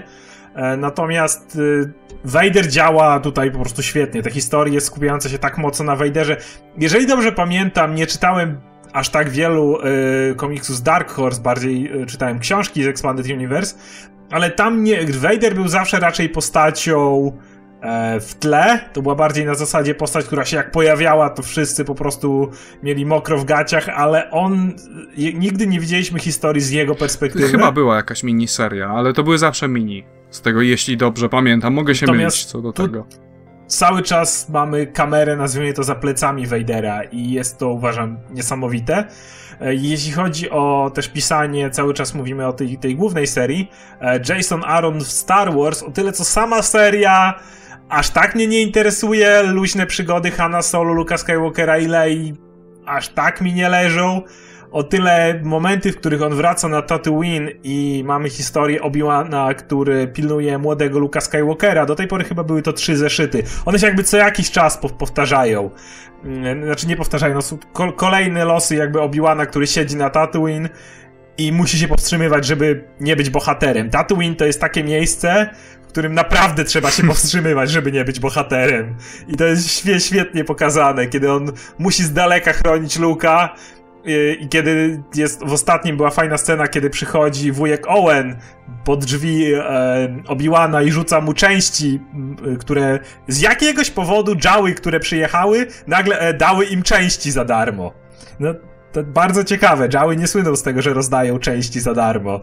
E, I mówi, że jakoś, e, że Owen, że nie, nie jestem idiotą. Myślisz, że nie zauważyłem, że nasza farma jako jedyna nie jest najeżdżana przez ludzi pustyni, e, wiesz, oprychów Jabby, jakoś tam, jakoś tak wszystko nas omijać mnie to co złe. Także ten komiks uważam, dla, chociażby dla, dla tych epizodów z Obi-Wanem czyta się to świetnie. No, myślę, że, że seria Star Wars, która tutaj właśnie też myślę jest najmniej powiedzmy imponująca i no, najmniej, naj, najsłabiej wypada jako komiks oceniany właśnie po prostu pod względem jakości. Ona ma też najtrudniejsze zadanie, bo to jednak jest ta główna seria, która się nazywa po prostu Star Wars, która musi być bardzo inkluzywna i, i dobra dla każdego w zasadzie. E, to myślę, że też robi całkiem właśnie dobrą robotę właśnie jako ser, jaki dobry punkt wejścia, gdzie w zasadzie możesz sobie zacząć czytać od dowolnego momentu, bo akcja się toczy raczej niespiesznie. No tam trochę przyspieszyła, jak był ten, ten spory crossover z Vaderem i, i wtedy faktycznie trzeba wiedzieć, co się dzieje, ale tak poza tym to właśnie to jest taka fajna, luźna seria do czytania sobie i, i myślę, że właśnie Aaron robi dobrą robotę. E, natomiast właśnie generalnie całe uniwersum genialnie się wpisało właśnie w tę nową falę fanów e, Star Wars, która no nie oszukujmy się pojawiła się teraz odkąd e, Force Awakens było w kinach, bo masa ludzi przypomniała sobie o Gwiezdnych Wojnach i stwierdziła, że być może sięgnie do komiksów. Zresztą mieliśmy te prequele, które były dosyć słabe. Znaczy tam tą jedną miniserię prequelową, której nie wspomnieliście zdaje się, która moim zdaniem była taka sobie mocno ale, ale właśnie jako taki, jak, jako taki dobry moment, żeby ściągnąć sobie tych fanów Gwiezdnych Wojen, to, to wszystkie te serie działają świetnie. Zresztą wyniki sprzedaży też to pokazują, nie? No bo to Marvel teraz sobie zrobił takiego swojego Batmana, to znaczy tę serię, która zawsze się sprzedaje świetnie. W zasadzie dwie, bo Vader też, też, też ma świetną sprzedaż. No a, a właśnie, mówiąc o Vaderze, no to wow, Vader jest naprawdę kapitalny. I to jest tak genialnie pisany komiks, gdzie masz postać, która jest kompletnym synem, bo to jest Darth Vader. I to jest Darth Vader, którego wcale, który wcale nie jest ugrzeczniony, wręcz przeciwnie. Wiesz, że to jest ten Darth Vader, którego widziałeś w filmie a jednocześnie jest tak cool, że po prostu no, nie, nie, nie możesz nie, nie cieszyć się śledzeniem tej postaci i tym, jak on się odnosi do wszystkich, jak jest pewny siebie i, i no, jest naprawdę fantastyczny. On jest dosłownie e... niezniszczalny. To jest gość, który wiesz, że wyjdzie z każdej sytuacji, a i tak z jakiegoś powodu czytasz to po prostu z zapartym tchem. Wiesz, nie tylko dlatego, że wiesz, jak potoczą się losy Vadera, ale nawet gdybyś nie miał pojęcia, jakie e, nie oglądał nigdy Imperium ani Powrotu Jedi, to Vader się zachowuje tak, że dosłownie wiesz, że on każdego po pokona, z, wyjdzie z każdej sytuacji, poradzi sobie z każdymi przeciwnościami, a i tak cię to interesuje, co jest samo w sobie no, bardzo mówię, trudne jest do pisania. tak bardzo cool, że po prostu aż cię bawi oglądanie tego. Ale właśnie to też jest ciekawa rzecz, co poruszyłeś, że to są komiksy, które dzieją się właśnie głównie właśnie w tym okresie między Nową Nadzieją a Imperium kontratakuje, co sprawia, że dos doskonale wiesz, jak się potoczą losy tych postaci, więc wiesz, że nie wiem, Han Solo nie odleci sobie w pizdu i nie wróci. Wiesz, że Vader właśnie, nie wiem, nie zginie, ani, nie wiem, Luke nie zginie, ani Vader nikogo nie zabije, ale jednocześnie i tak te komiksy cię wciągają, bo są tak, tak dobrze napisane. Ale zdaje się, że Darth Vader, Boże, Darth Vader się skończy niedługo, e, ostatecznie. Myślę, że tam jakieś miniserie jeszcze będą się pojawiać, ale szkoda strasznie. Choć z drugiej strony może lepiej, się, jeśli się skończy, kiedy, kiedy wciąż stoi na bardzo wysokim poziomie ta seria. E, I też, e, no, zaskoczył mnie Kieron Gillen mimo wszystko tym, jak dobrze załapał tego Vadera, bo, bo Kieron Gillen ma takie, ma, ma, ma komiksy, które moim zdaniem albo są hitem, albo nie trafiają w ogóle. Na przykład Young Avengers było kapitalne, e, Iron Man z kolei był do niczego, Vader jest kapitalny, Wicked and the Divine w Image jest świetne, no ale z drugiej strony były, był, jest na przykład Angela, która była mocno średnia. E, także nie, nie mam pojęcia po prostu od czego zależy to, co, czy ten autor trafia, czy nie, ale, ale akurat Vader mu wyszedł po prostu kapitanie. Przy Vaderze chciałem jeszcze jedną rzecz poruszyć i ogólnie też tego, jak fajnie jest zbudowane te nowe Expanded Universe, jak to nazwać. E, są książki, wow, powiemy coś o książkach, e, do e, Star Wars, które oczywiście tak jak stare Expanded Universe też było powiązane, to znaczy komiksy i książki działy się bezpośrednio w tym samym uniwersum, ale tutaj jeżeli się mylę, to możecie mnie poprawić, bo znowu mówię, w komiksach nie siedziałem aż tak mocno w Expanded Universe, tam głównie czytałem książki. Nie pamiętam, żeby było bezpośrednie przeplatanie się i odnośniki do, między komiksami a książkami. W tym to się zdarza. Na przykład w Kananie było odniesienie do New Dawn e, książki. Natomiast, y, co mi się bardzo podoba, ja niestety no, nie czytam tych książek, chociaż po, powoli mi się tam gdzieś zaczynam je kolekcjonować. Przeczytałem do tej pory tylko Lordów Sith, gdzie była właśnie rewelacyjna relacja pomiędzy Darthem Vaderem a Imperatorem. Ogólnie Lordowie Sith są pisani też bardzo z perspektywy Dartha Vadera i to jest bardzo podobny Darth Vader do tego z komiksów i to mi się bardzo fajnie czytało, bo to jest ten sam okres dokładnie. Mm, chociaż głowy nie dam, czy, czy Lordowie Sith nie byli odrobinę wcześniej, ale nieważne. E, to jest ten sam Vader, dalej mamy relację między nim a Imperatorem w obu miejscach i ona jest podobnie pisana i w stylu Sithów, to znaczy kiedy na przykład y, Vader pokonał tych gości, którzy go atakowali, nie będę tam wchodził w spoilery głęboko, i przychodzi do imperatora, imperator mu mówi, że o, bo to była wielka próba, musiałem pokazać, że jesteś takim koksem i w ogóle, na co Vader odpowiada, e, tak, ale wiem, że gdyby to oni mnie zabili, to tą samą przemowę waliłbyś teraz do nich, ale spoko, jesteśmy sitami, także spoko, rozumiem. Jest, jest... I to jest naprawdę fajna relacja, która też była w tej Jest książce. jeszcze jeden moment z Vaderem, który mi bardzo zapadł w pamięć i to jest taki moment, kiedy jeden z tych walkerów jak gdyby nadepnął na Vadera. W komiksach to miało miejsce. No i Vaderowi spadł hełm i jeden ze Stormtrooperów właśnie biegnie, o mój panie, mój panie, coś tam, rebelianci się przedostają i zauważa Vadera bez hełmu i o, nie wiedziałem, że i w tym momencie Vader po prostu wstaje, jak gdyby nic, stryknął palcami i mocą skręcił gościowi kark, wkłada hełm i odchodzi, jak gdyby nigdy nic się nie stało. To jest moment, który jak dla mnie jest taką kwintesencją Darfa Vadera dlatego że to jest postać, która jest równocześnie bardzo gniewna, bardzo badass, bardzo dumna, ale i mocno zakompleksiona na swoim punkcie. Więc to jest, to był taki moment z tej nowej serii, którą ten... A jakie, czy macie jakiekolwiek ulubione komiksy z starego Expanded Universe? No właśnie, czy czytaliście w ogóle coś z, tak, ze Starego Universe? Bo ja się przyznam, że nie. Ja, ja, może zacznę, bo ja właśnie nie okay. czytałem za dużo. Jedyna rzecz, którą czytałem, to było, to się nazywało Mroczne Imperium. To jest ten komik, zdaje się, gdzie Imperator wrócił chyba, tak? Czy chyba dobrze tak. pamiętam? Ja już dawno nie czytałem to, e, więc nie pamiętam. Czy, czy, no te, ten komik, gdzie Imperator wrócił i klonował swoje klon, ciało klon, ileś tam tak. razy. I, i to jest Mroczne Imperium się to nazywało. No tak, tak. To mi się czytało i to było całkiem, całkiem sympatyczne, było ładnie zilustrowane, miało fajny klimat e, i podobał mi się przejście Luka na ciemną stronę, jak tutaj pewnie niektórzy, którzy śledzą nasz mój, mój kanał na YouTubie, to wiedzą, że jestem zwolennikiem tego, żeby Luke tutaj e, romansował ciemną stroną, dlatego ten komiks do mnie przemówił. Może nie, nie wywrócił jego świata do góry nogami, ale przyjemnie się to czytało. Natomiast jakoś nigdy mnie te właśnie komiksy specjalnie nie wciągały. Też miałem, miałem problem właśnie z progiem wejścia, nie wiedziałem za bardzo co powinienem czytać i od kiedy i tak dalej. Także, no, także tutaj zdaje się na was. Ja kilka razy próbowałem podejść do komiksów Star Wars e, od Dark Horse. I pier raz, pierwszy raz to kiedy wychodziły e, u nas, przez Mandragorę wydawane w zeszytach. I powiem szczerze, że jak gdyby nie zrobiły na mnie wielkiego wrażenia wtedy. Z wyjątkiem jednego, który się nazywał Tag i Bing, e, kopnęli w kalendarz. E, po, można teraz to na Marvel Unlimited przeczytać. Tag and Big are dead. I to jest fantastyczna seria, bo opowiada o dwóch takich rebeliantach, którzy e, są sobie na statku i on zostaje zaatakowany przez Imperium, które planuje uwięzić czy wyrżnąć wszystkich. No i oni teraz muszą jakoś uciec. Przebrali się za Stormtrooperów i próbują próbują uciekać i próbują znaleźć swoją drogę do domu, co im się niezbyt dobrze udaje.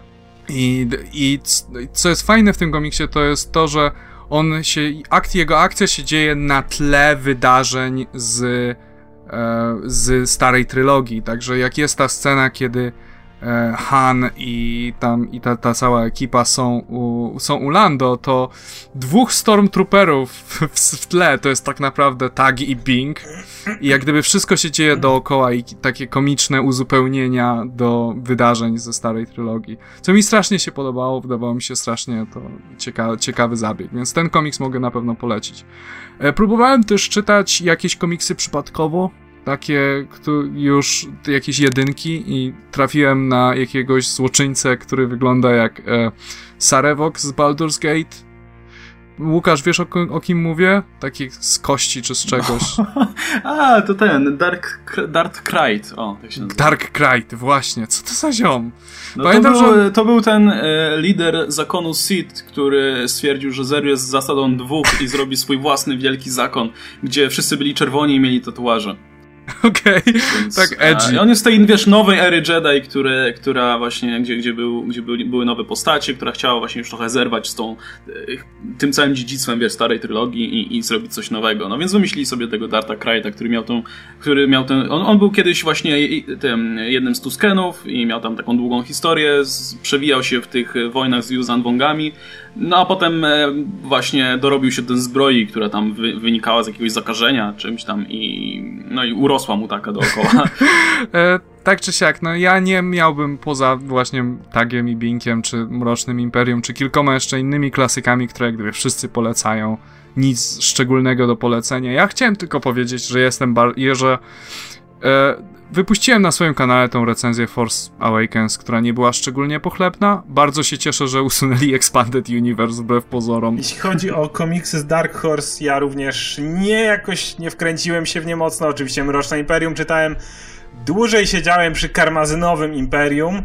A to jest coś, na co też ludzie, którzy mm, byli fanami Expanded Universe mogą być bardzo zdenerwowani, dlatego że kojarzycie koło Imperatora chodzą ci jego ta Imperial Guard, tacy w czerwonych kostiumach e, tak, tak goście. Tak, tak, tak. No. E, w... tam stoją zawsze nic nie robią nigdy w filmach. Tak, tak. I w y, Expanded Universe było pokazane, że to są takie mega koksy, oni są szkoleni w jakimś specjalnym miejscu. Był gość, który nazywał się Kirkanos, i on szkolił się w takiej specjalnej akademii, czy jak to nazwać, takich naprawdę, wiecie, najlepsi z najlepszych. I potem zostawało czterech i parami musieli się pozabijać, tak żeby zostało dwóch i tych dwóch dołączało do Imperatora.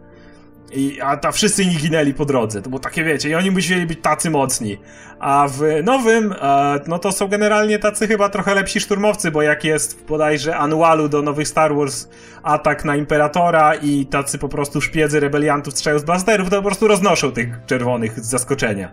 Co w Starym Imperium, było, w starym kanonie byłoby niemożliwe, no bo to byli super rzeźnicy z podwójnymi wibrostrzami i tak dalej.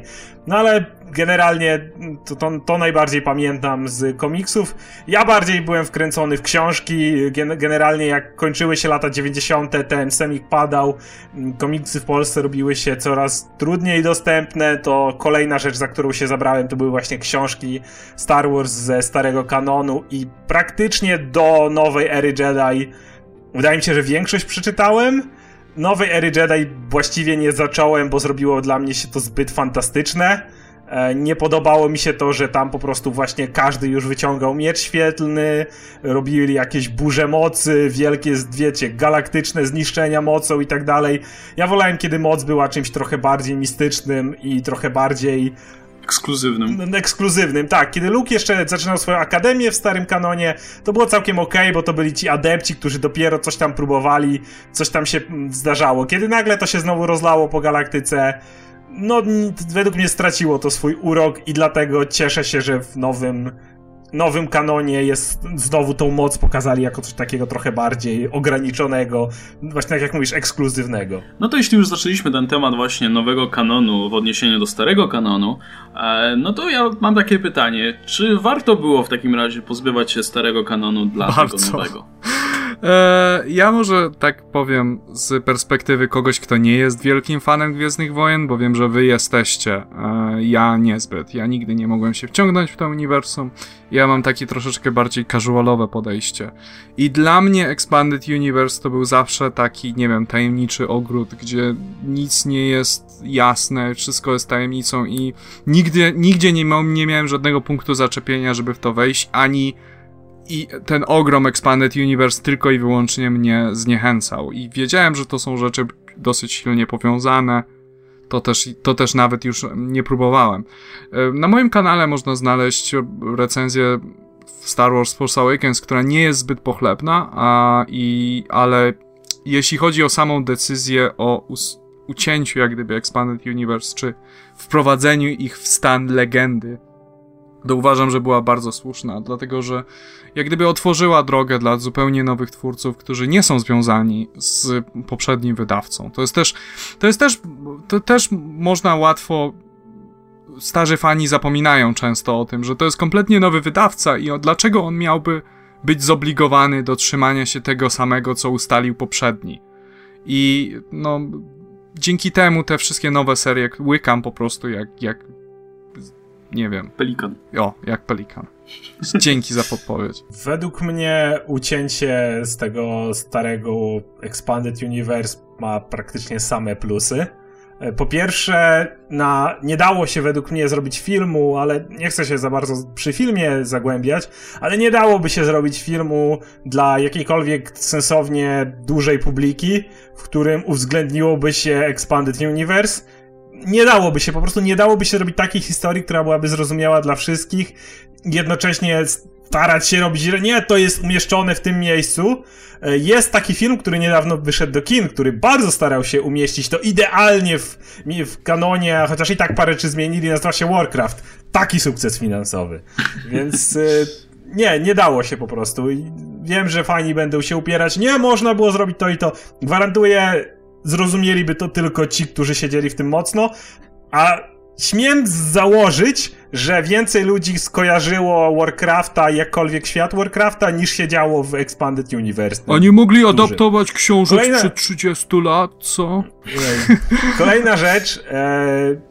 kolejna rzecz to te uniwersum było tak zagmatwane i ono było czasem samo ze sobą, może nie sprzeczne, ale takie nie, bardzo niejasne w wielu miejscach i mówię to jako osoba, która nawet nie weszła głęboko w nową erę Jedi. I który, tam książek też było pierdyliard, a już w tym, co czytałem, było bar, bar, cała masa zawiłości, jakichś takich bardzo nie, nie, niedopowiedzianych, jakichś niewyjaśnionych rzeczy, które, które się ze sobą jakoś tam nie do końca zgadzały, że tak powiem. Także to, to, to, to ten, ten oddech świeżego powietrza też był bardzo potrzebny.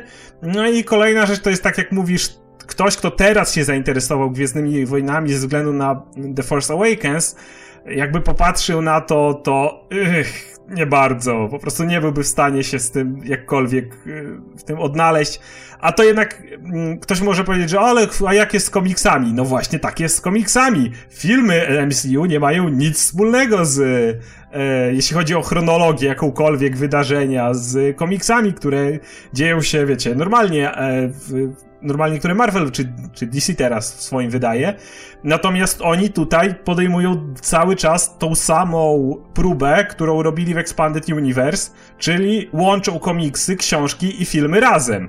Tylko, że tym razem, y, wiedząc, że wychodzą kolejne filmy, mają bardzo specyficzną, nazwijmy to, nie grupę, jakiś oddział ludzi, który nad tym czuwa, a no jeszcze animacja, bo oczywiście jest Star Wars Rebels.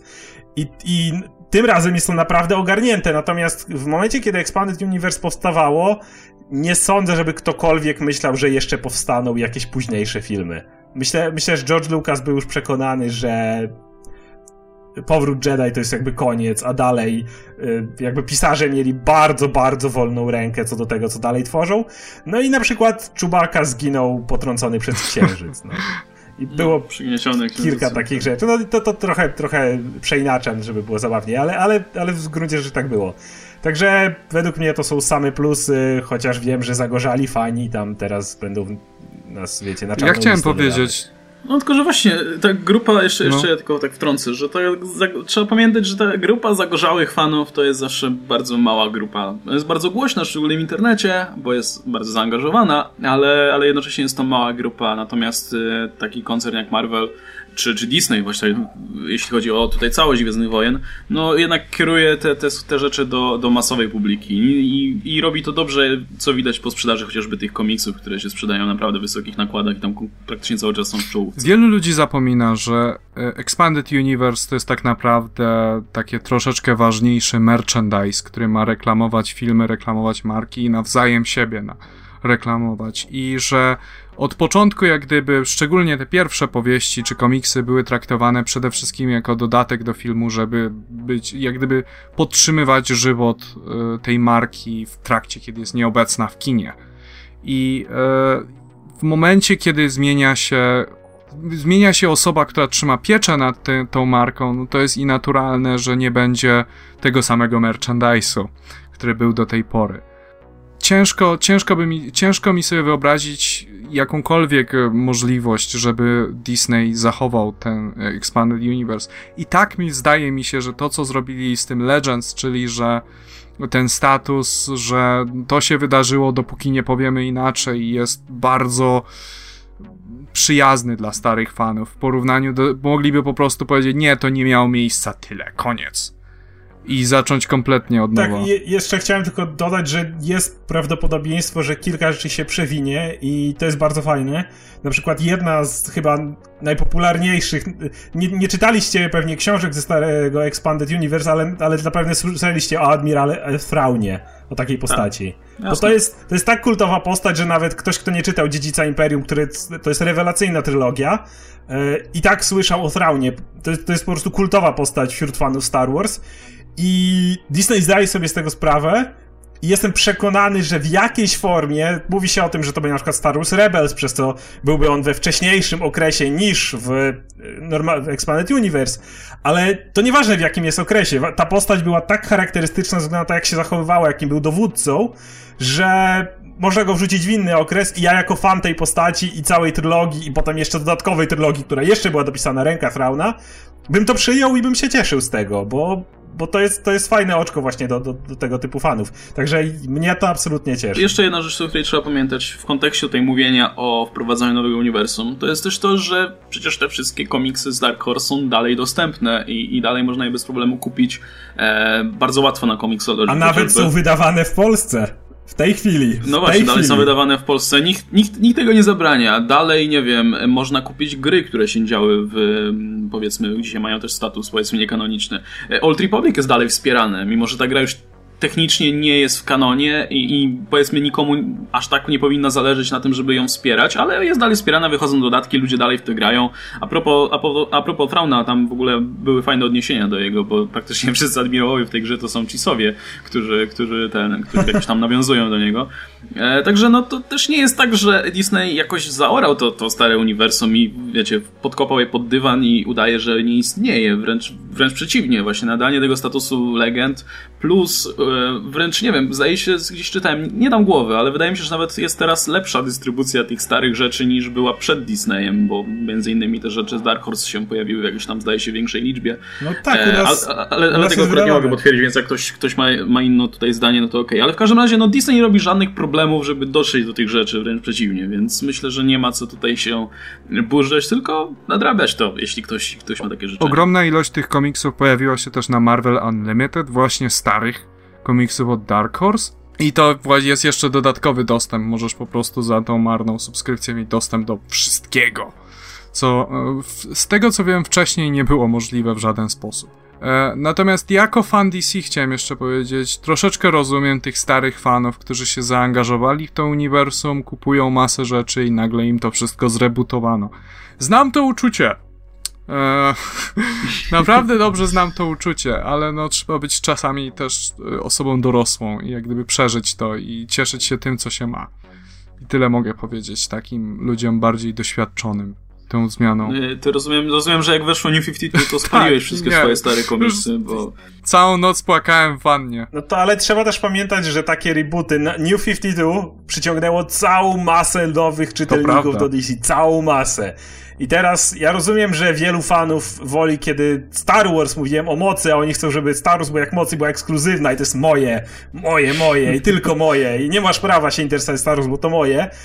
Ale ja z punktu widzenia fana Marvela bardzo się cieszę, kiedy coraz więcej ludzi interesuje się Marvelem i przenosząc to na Star Wars, dzięki temu, że jest to teraz bardziej otwarte, bardziej dostępne dla ludzi, dzięki temu, że jest tego teraz, y, no, jest to bliższe filmom, tak, zarówno książki obecne, bo są o Wejderze, o Imperatorze, o Tarkinie, książki znowu bliżej filmów, więcej ludzi może się tym zainteresować i jakby Star Wars, które nigdy nie było jakoś wiecie, mało znaną marką, ale teraz może mieć jeszcze więcej fanów. To jest według mnie jako fana Star Wars powód do, do, do szczęścia, a nie do wkurwiania, że moje Star Wars, moje, odwalcie się. Nie chcę, żeby ktokolwiek lubił Star Wars poza mną. No dobra, to na sam koniec tej naszej Star Warsowej dyskusji, z racji tego, że Vader nam się kończy, no to zrobi się miejsce na kolejny ongoing. Teoretycznie oczywiście, nie wiadomo, czy oczywiście Marvel będzie chciał wydawać kolejny ongoing, ale gdyby, no to jaki byście chcieli zobaczyć w takim razie, mając, gdybyś, gdyby to od was zależało i byście mogli decydować o, to, o tym, jaki tytuł będzie się ukazywał teraz co miesięcznie. Ja naprawdę lubię tego taga i binka i chciałbym, żeby jakoś wrócili w nowym kanonie, tylko żeby tym razem może ich przenieść w czasie, żeby byli na przykład Force Awakens czy coś w tym stylu. To by było naprawdę, to by było naprawdę cool dla mnie. Ale to ja jestem dziwny tutaj, więc... Ja bym wolał w drugą stronę skok w czasie, e, albo do czasów Starej Republiki, ale w to nie wierzę, bo myślę, że jeszcze sam Disney tam na samej górze nie ustanowił statusu Starej Republiki, więc jeszcze za szybko wydaje mi się o tym nie usłyszymy, bo oni muszą tam dokładnie ustalić co jest, czym jest Stara Republika, jak ona funkcjonowała w tym obecnym uniwersum.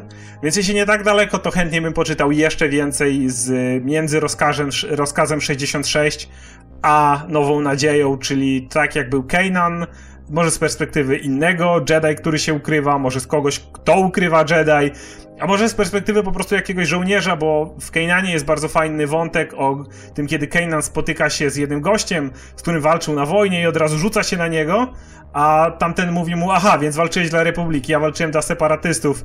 Chłopcze, uspokój się, nie walczymy już dla nikogo, nie ma, wiesz, o, obaj przegraliśmy tę wojnę.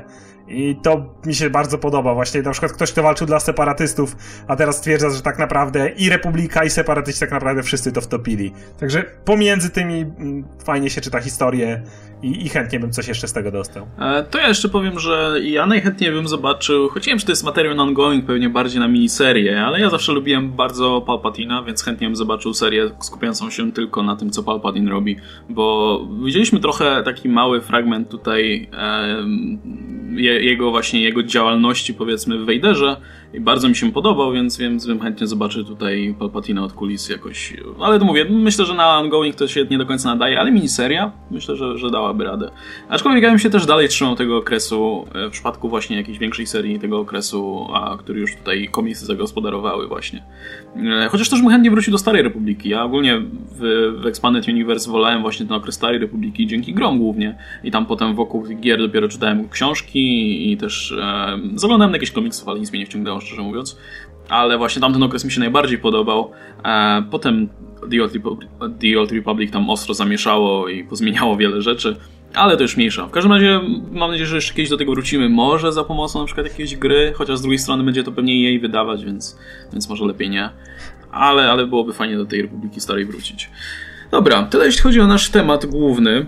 E, swoją drogą ten temat w ogóle się pojawił głównie dlatego, że kiedyś wspomniałem o tym, że chciałem o komiksie Paul Dameron powiedzieć i w końcu jak doszliśmy do tego, to, to nie powiedziałem ani słowa o komiksie Paul Dameron, więc tylko powiem, że jest ok i polecam. E, ale w ten sposób możemy sobie przejść do komiksów.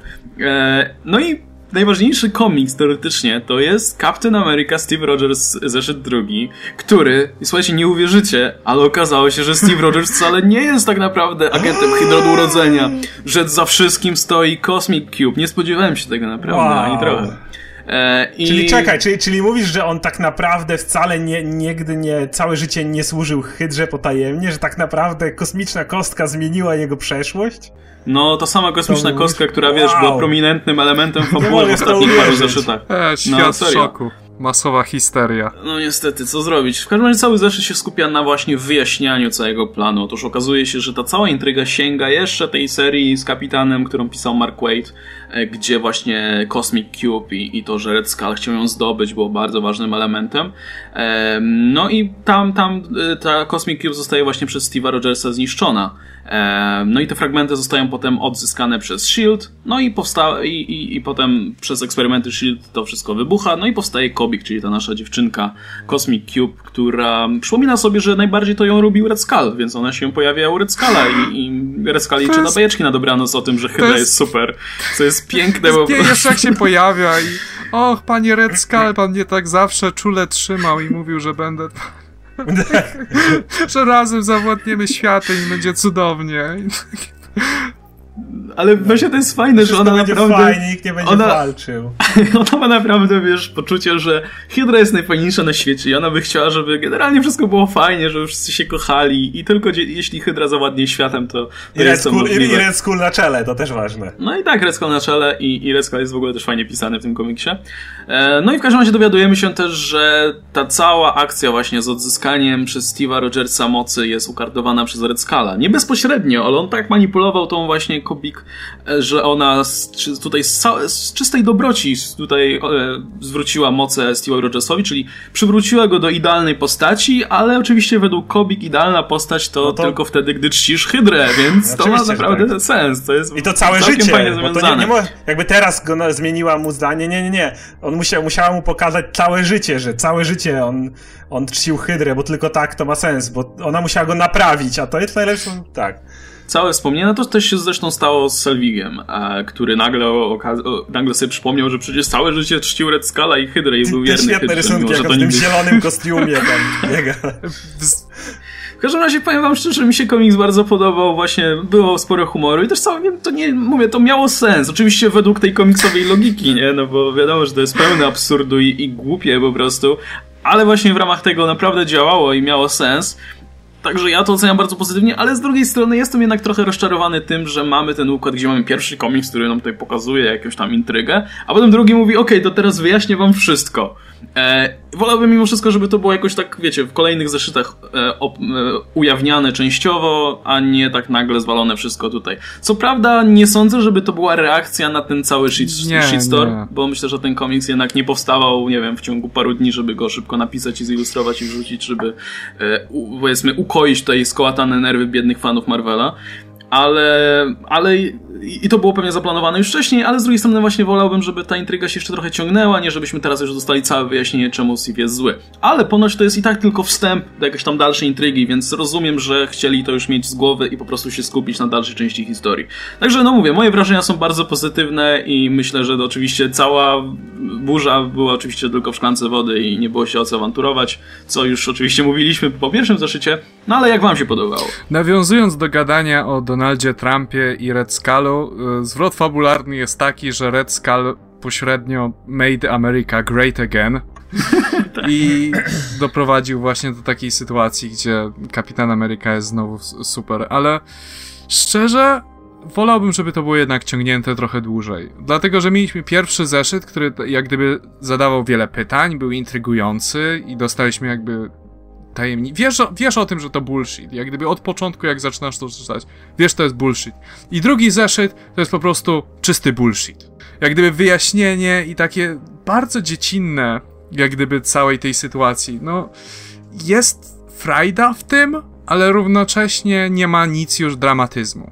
Kompletnie. I wolałbym jednak, żeby to było poprowadzone troszkę bardziej na serio, bo myślę, że myślę, że temat y, kapitana Ameryki y, przechodzącego na złą stronę zasługuje na trochę więcej powagi, na trochę trochę lepiej zrobione, bo to się troszeczkę czyta jakby to był komiks, nie wiem, ze srebrnej ery komiksu czy coś, czyli, bo wtedy kompletnie zdawali sobie sprawę, że to jest bullshit i po prostu pisali o tak sobie dla, dla jaj. A, tylko, że to też wiesz, nie bierzesz Nika Spencera do pisania kompletnie e, historii, która jest 100% na serio, nie? To też myślę, że wynika ze stylu tego autora trochę.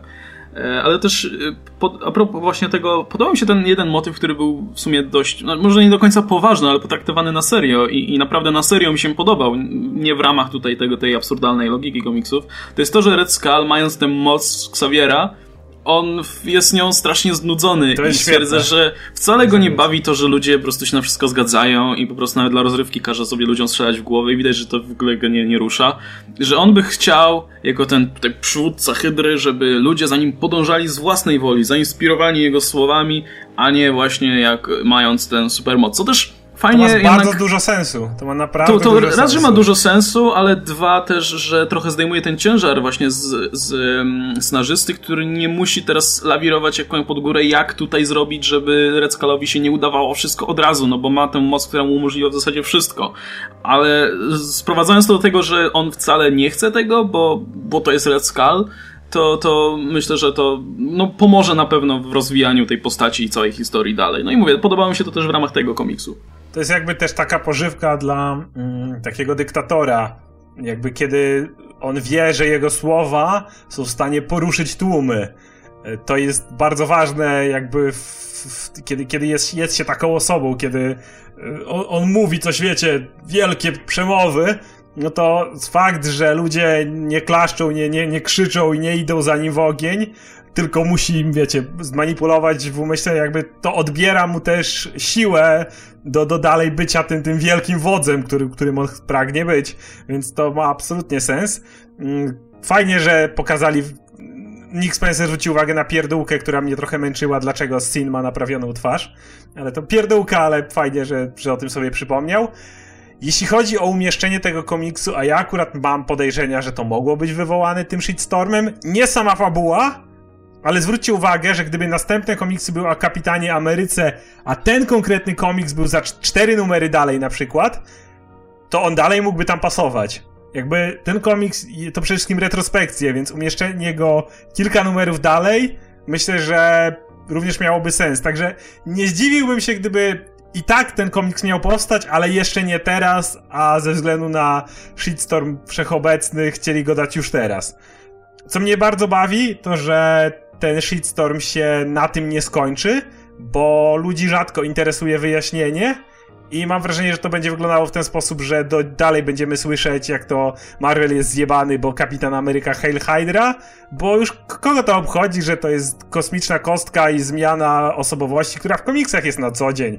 Wyjaśnienia rzadko ludzi interesują. Nie zdziwię się, jak przez kolejne tygodnie dalej będzie to żart i będzie na zasadzie o, zjebane, zniszczyli nam. Nie, nie, on został wyjaśniony. Cicho bądź, zjebali, wiesz. No to tak działa tłum i, i to mnie trochę bawi, ale ja myślę, że tak będzie właśnie. Sam komiks y, mi się akurat podobał, a to wyjaśnienie kupuję. To było jedno z tak dwóch, trzech najbardziej oczywistych wyjaśnień, więc... To było połączenie dwóch e, wyjaśnień naszych, bo my jak gdyby tutaj podejrzewaliśmy, że albo Red Skull zmanipulował jego umysł, albo Kubik coś z... Y, Kobik, tak? Tak, Kobik. Kobik coś spieprzyła po drodze i okazuje się, że obydwa naraz. Więc to nie, raczej bez większych zaskoczeń tutaj. No to jeśli już mówimy o dyktatorach, no to przejdźmy sobie płynnie do piątego zeszytu Master Race, który był dosyć ciekawy i, i powiedzmy, że... Był? No był. Nie był? Nie. nie był strasznie mech. Był, no Ale nie wiem, znaczy to, było, to był zeszyt, na który pewnie czekali ludzie, którzy, nie wiem, widzieli pewien film albo którzy o, oczytali pierwszy komiks, no bo tu jest ten, cały komiks polega na tym, że Batman ma plan i Superman dostał po mordzie i zniknął i, i świat ogólnie jest tutaj na krawędzi, na krawędzi i niedługo pewnie wszyscy zginą, ale Bat, znaczy, kurde, Batman ma plan i, no i na, nim, i na tym się ten zeszyt skupia. I to jest coś, co ludzie chcieli zobaczyć wreszcie, tak? Jak, jak sobie Batman poradzi z tymi, z tą całą armią e, tych e, kan, Kandor, Kandorian, tak? To się mówi. Tak, Kandorian. Kandorian. W każdym razie, no, mówię, że jest ciekawy w tym względzie, że no, cały zeszyt jest poświęcony jednemu konkretnemu zwrotowi akcji. E, no i zobaczymy, co będzie dalej. Także mówisz, że ci się nie podobał specjalnie. Nie, nie podobał mi się. To jest. E, no, ten Superman dostał w dupę tylko po to, żeby wrócił w tym no, zeszycie. To pamiętam, że to robiło na mnie ogromne wrażenie. Jego wdeptali w ziemię w poprzednim zeszycie, a tutaj się okazuje, że tak. po prostu był pod tą lawą i wyszedł po prostu jeszcze zdrowszy niż był wcześniej, więc. E, Kandorianie zostali pokonani przez, tutaj dam spoiler, więc przewincie jakby co, przez deszcz syntetycznego kryptonitu, który Batman jak gdyby zasiał w chmurach przez, wiesz, przez, podejrzewam, że przez samoloty jakieś specjalne i tak dalej. Takie wow! Jak ciężki bullshit wyciągniesz z dupy w tym momencie? Kiedy on to zaplanował? Jakimi samolotami? Co, nie no, tam co, śledził pogodę na, na i, i satelitami czy coś. No by, było to jakoś tam wyjaśnione, zdaje się. E, no ale no mówię, wszyscy czekali na to, aż Batman założy swoją zbroję, no i założył się, pojawił i wygląda dziwnie. Ale to jest nic. Właśnie najlepsze jest to, że wyciągają tego Supermana wreszcie z tej lawy no i jak, jak tu włączyć Supermana do walki w deszczu z kryptonitu? No, Superman dostaje swoją zbroję, wygląda tak idiotycznie po prostu. Wygląda tak śmiesznie. Ten ostatni kadr, który ma zrobić takie wow, wygląda tak, że po prostu zacząłem się śmiać. Ale przez to, że za chwilę potem się zaczyna ta mini historyjka Franka Millera, ilustrowana przez Franka Millera, bez niczyjej pomocy, więc wygląda jak takie, wiecie, bazgroły kogoś, kto ledwo może trzymać ołówek w ręku. Eee, i, I to wcale nie wyglądało dużo gorzej niż ten ostatni kadr. No dobra, wyglądało gorzej, ale właśnie, by the way, tak, ta historyjka o właśnie, ona się nazywa Lara, tak? Córka Supermana. Córka Supermana i Wonder Woman. To jest tak, to jest, raz, że to jest zilustrowane fatalnie, no ale to jest Frank Miller. Ja nie wierzę w, ten cały, w to mówienie, że o, Frank Miller jest tak naprawdę świetnym artystą, to tylko koloryści tutaj psują robotę. Te rysunki dalej są nędzne, umówmy się, dalej są okropne. I tutaj to widać, naprawdę. Widziałem szkice tych rysunków. Wyglądają tak samo źle, jak, jak z kolorami. Oczywiście te kolory pewnie jeszcze gorzej tutaj w kontraście wyglądają, ale rysunki są złe. A ona jest już napisana tak źle. Boże, po prostu to jest tak idiotyczne. Cała historia jest o tym, że Lara jest w powietrzu z tym typem jednym z Kandoru i on chce ją pocałować czy coś, a ona mówi, że on, a jej się to nie podoba i on sobie potem z niej żartuje i tyle mniej więcej. I masz niby no, zasiać takie ziarnko wątpliwości, że może ona wcale nie, nie odpowiada, nie, wiecie, nie, nie jest kompatybilna z ich tutaj wartościami czy coś. Ale to jest tak złe po prostu, tak aż śmieszne, no naprawdę jeszcze, jeszcze te rysunki po prostu. Warto, warto sprawdzić ten zeszyt chociażby dla tej okropnej historyjki i zobaczyć, jak Frank Miller niestety się. jak nisko upadł. No, no niestety. To znaczy, całe, całe właściwie ta, ta mikrohistoria, ta mini historia to jest cały dialog pomiędzy właśnie. No nie jest dialog, oni patrzą na siebie tak cały czas z dupy po prostu. No nie, to jest takie może będę zabijać ludzi, to będzie zabawne. Potrzebujesz zabijać ludzi, żeby było zabawne? Tak, potrzebuję zabijać ludzi, żeby było zabawne. Chodź się całować. Nie, nie, tak, okej. Okay. I się całują, a potem odlatują i to, to jest jakby cały zeszyt. Się czytasz to i się zastanawiasz, co ja kurwa robię ze swoim życiem. No, patrzysz na te koślawe pośladki, które rysuje Frank Miller, który za każdym razem rysuje tą Larę w takim ujęciu, żeby było widać te pośladki, które wyglądają tak źle po prostu. Są wyglądają jak takie jądra zwisające. Wygląda strasznie.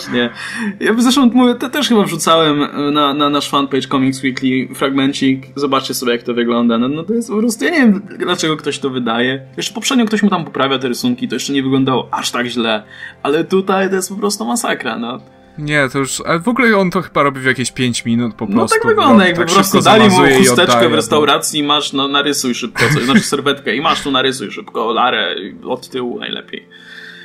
Zobaczycie, że narysuje cały komiks w przeciągu 3 minut. Tak. Szybko, no bo to faktycznie wygląda. Te kreski są strasznie grube, jakby to w ogóle rysował na dużo mniejszym papierze czy coś.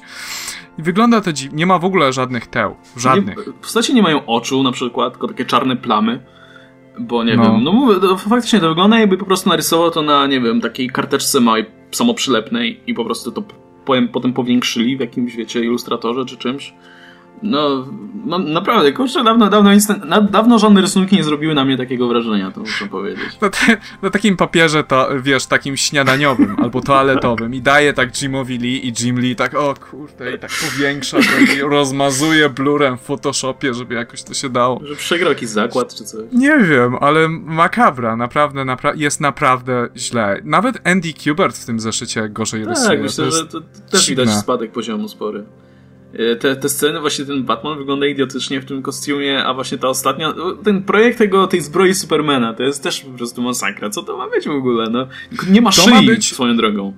To ma być e, zbroja Batmana, tylko że w niej w środku jest oczywiście Superman i zamiast tego normalnego hełmu, który ma Batman, jest wygrawerowana głowa Supermana na właściwej głowie Supermana, także nie ma miejsca na szyję i wygląda, nie wiem, jak, jak, jak piec jakiś czy coś. Chciałem to też wrzucić na fanpage, ale stwierdziłem, że to jest w sumie ostatni kadr, więc może nie wypada, ale może już po emisji tego, albo nie, podlinkuję wam też w opisie, żebyście to zobaczyli, jeśli, jeśli nie czytaliście jeszcze tego komiksu. Dobra, to może skończmy już ten temat e, i przeskoczmy sobie jeszcze do komiksu, o którym wspominaliśmy, że będziemy mówić tydzień temu, ale jakoś, jakoś do niego nie dotarliśmy i ja go nie przeczytałem, bo, bo sprawdziłem jedną, dwie strony i stwierdziłem, że nie, bo jest fatalny, ale, ale Oskar się poświęcił dla nas wszystkich i przeczytał całość, czyli Deadpool, Gambit, zeszyt numer jeden. Deadpool versus Gambit. A, sorry, versus Gambit, przepraszam, zapomniałem tytułu, tak mnie ten komiks po prostu wciągnął. Jest tak cudowny. Nie, to jest, to jest tak fatalny komiks. To jest znowu przykład, kiedy ktoś zabiera się za Deadpoola, kto pewnie nawet nie czytał od ostatnich, nie wiem, czterech lat Deadpoola. I wiecie, i dalej, o Deadpool, to ten śmieszny, tak? O, będę pisał go, że jest taki śmieszny. Nie, nie jest. I, je, jego, jego relacja z Gambitem. Ej, Deadpool to, to ten, co pewnie z Gambitem się dogada, żeby robić napady na bank. No, no raczej już nie. Ale, ale niech robi, bo, bo będzie zabawnie. Też nie. I co się czyta źle, dowcipy nie są śmieszne, relacja między tymi postaciami jest żadna. Starają się robić dowcipy z Daredevila i Spidermana. Nie, po prostu to nie działa na żadnej płaszczyźnie. Będzie tego niestety więcej i proszę nie róbcie tego. I chciałem to zestawić na szybko z innym komiksem, który wyszedł w tym tygodniu. Czyli Spider-Man Deadpool, kolejny numer, który jest tak trochę wyjęty z tej całej historii obecnej. To jest taki, można powiedzieć, standalone właściwie, który można sobie przejść niezależnie i nie pisze go ani Joe Kelly, ani Jerry Dugan, tylko Scott Aukerman się nazywa, jeżeli nie mylę, się nie mylę. To nie jest w ogóle pisarz komiksowy. E, ale podejście do, do Deadpoola ma dużo, dużo lepsze. On sam też nie do końca czuje Deadpoola i to widać. Tylko zamiast skupiać się na tym, żeby Deadpool był jak najbardziej zabawny i żeby mówił jak najbardziej fajnie i te śmieszne rzeczy, bo to Deadpool, skupia się na otoczeniu Deadpoola i na tym, w jakiej sytuacji znajduje się Deadpool. I to jest dużo zabawniejsze i dużo mu lepiej wychodzi, bo trzeba też pamiętać, że Deadpool, historie o Deadpoolu były zabawne nie tylko dlatego, jaki sam jest Deadpool, ale często w jak absurdalnych sytuacjach znajdował się Deadpool. W tym komiksie jest na tym skupienie, a w przeciwieństwie do Deadpool vs. Gambit, gdzie starają się skupić koniecznie na Deadpoolu. I dlatego tam to nie wychodzi, a tutaj tak. I chciałbym tutaj szczególnie poruszyć jedną rzecz. Yy, narzekaliśmy na ten Deadpool numer 13, szczególnie którego pisał Charles Soule, który chyba do, po prostu on kompletnie nie łapie Deadpoola. Ja lubię Charlesa Soule, ale po prostu Deadpoola on nie rozumie za cholerę. I był ten cały, do, cały komiks, jak on w kółko powtarzał, że mu wypalili oczy, jest ślepy, jest teraz taki nieszczęśliwy i taki super. I to miało być śmieszne, bo obok stoi Daredevil, ale nie było za cholerę. I w tym komiksie, nie wiem, czy to jest gryf z tamtego komiksu, czy to jest po prostu inaczej to zrobione, ale znowu użyto dowcipu, w którym Daredevil jest pojawia się i mówi się o tym, że ktoś jest ślepy, tylko tym razem zrobiono to dobrze, ponieważ w momencie, kiedy jest powiedzenie ej, czy jesteś ślepy i odskakuje postać w kostiumie Daredevila i jest taki dopisek. E, to nie jest jakiś e, niesmaczny dowcip, ponieważ Daredevil w rzeczy samej jest ślepy.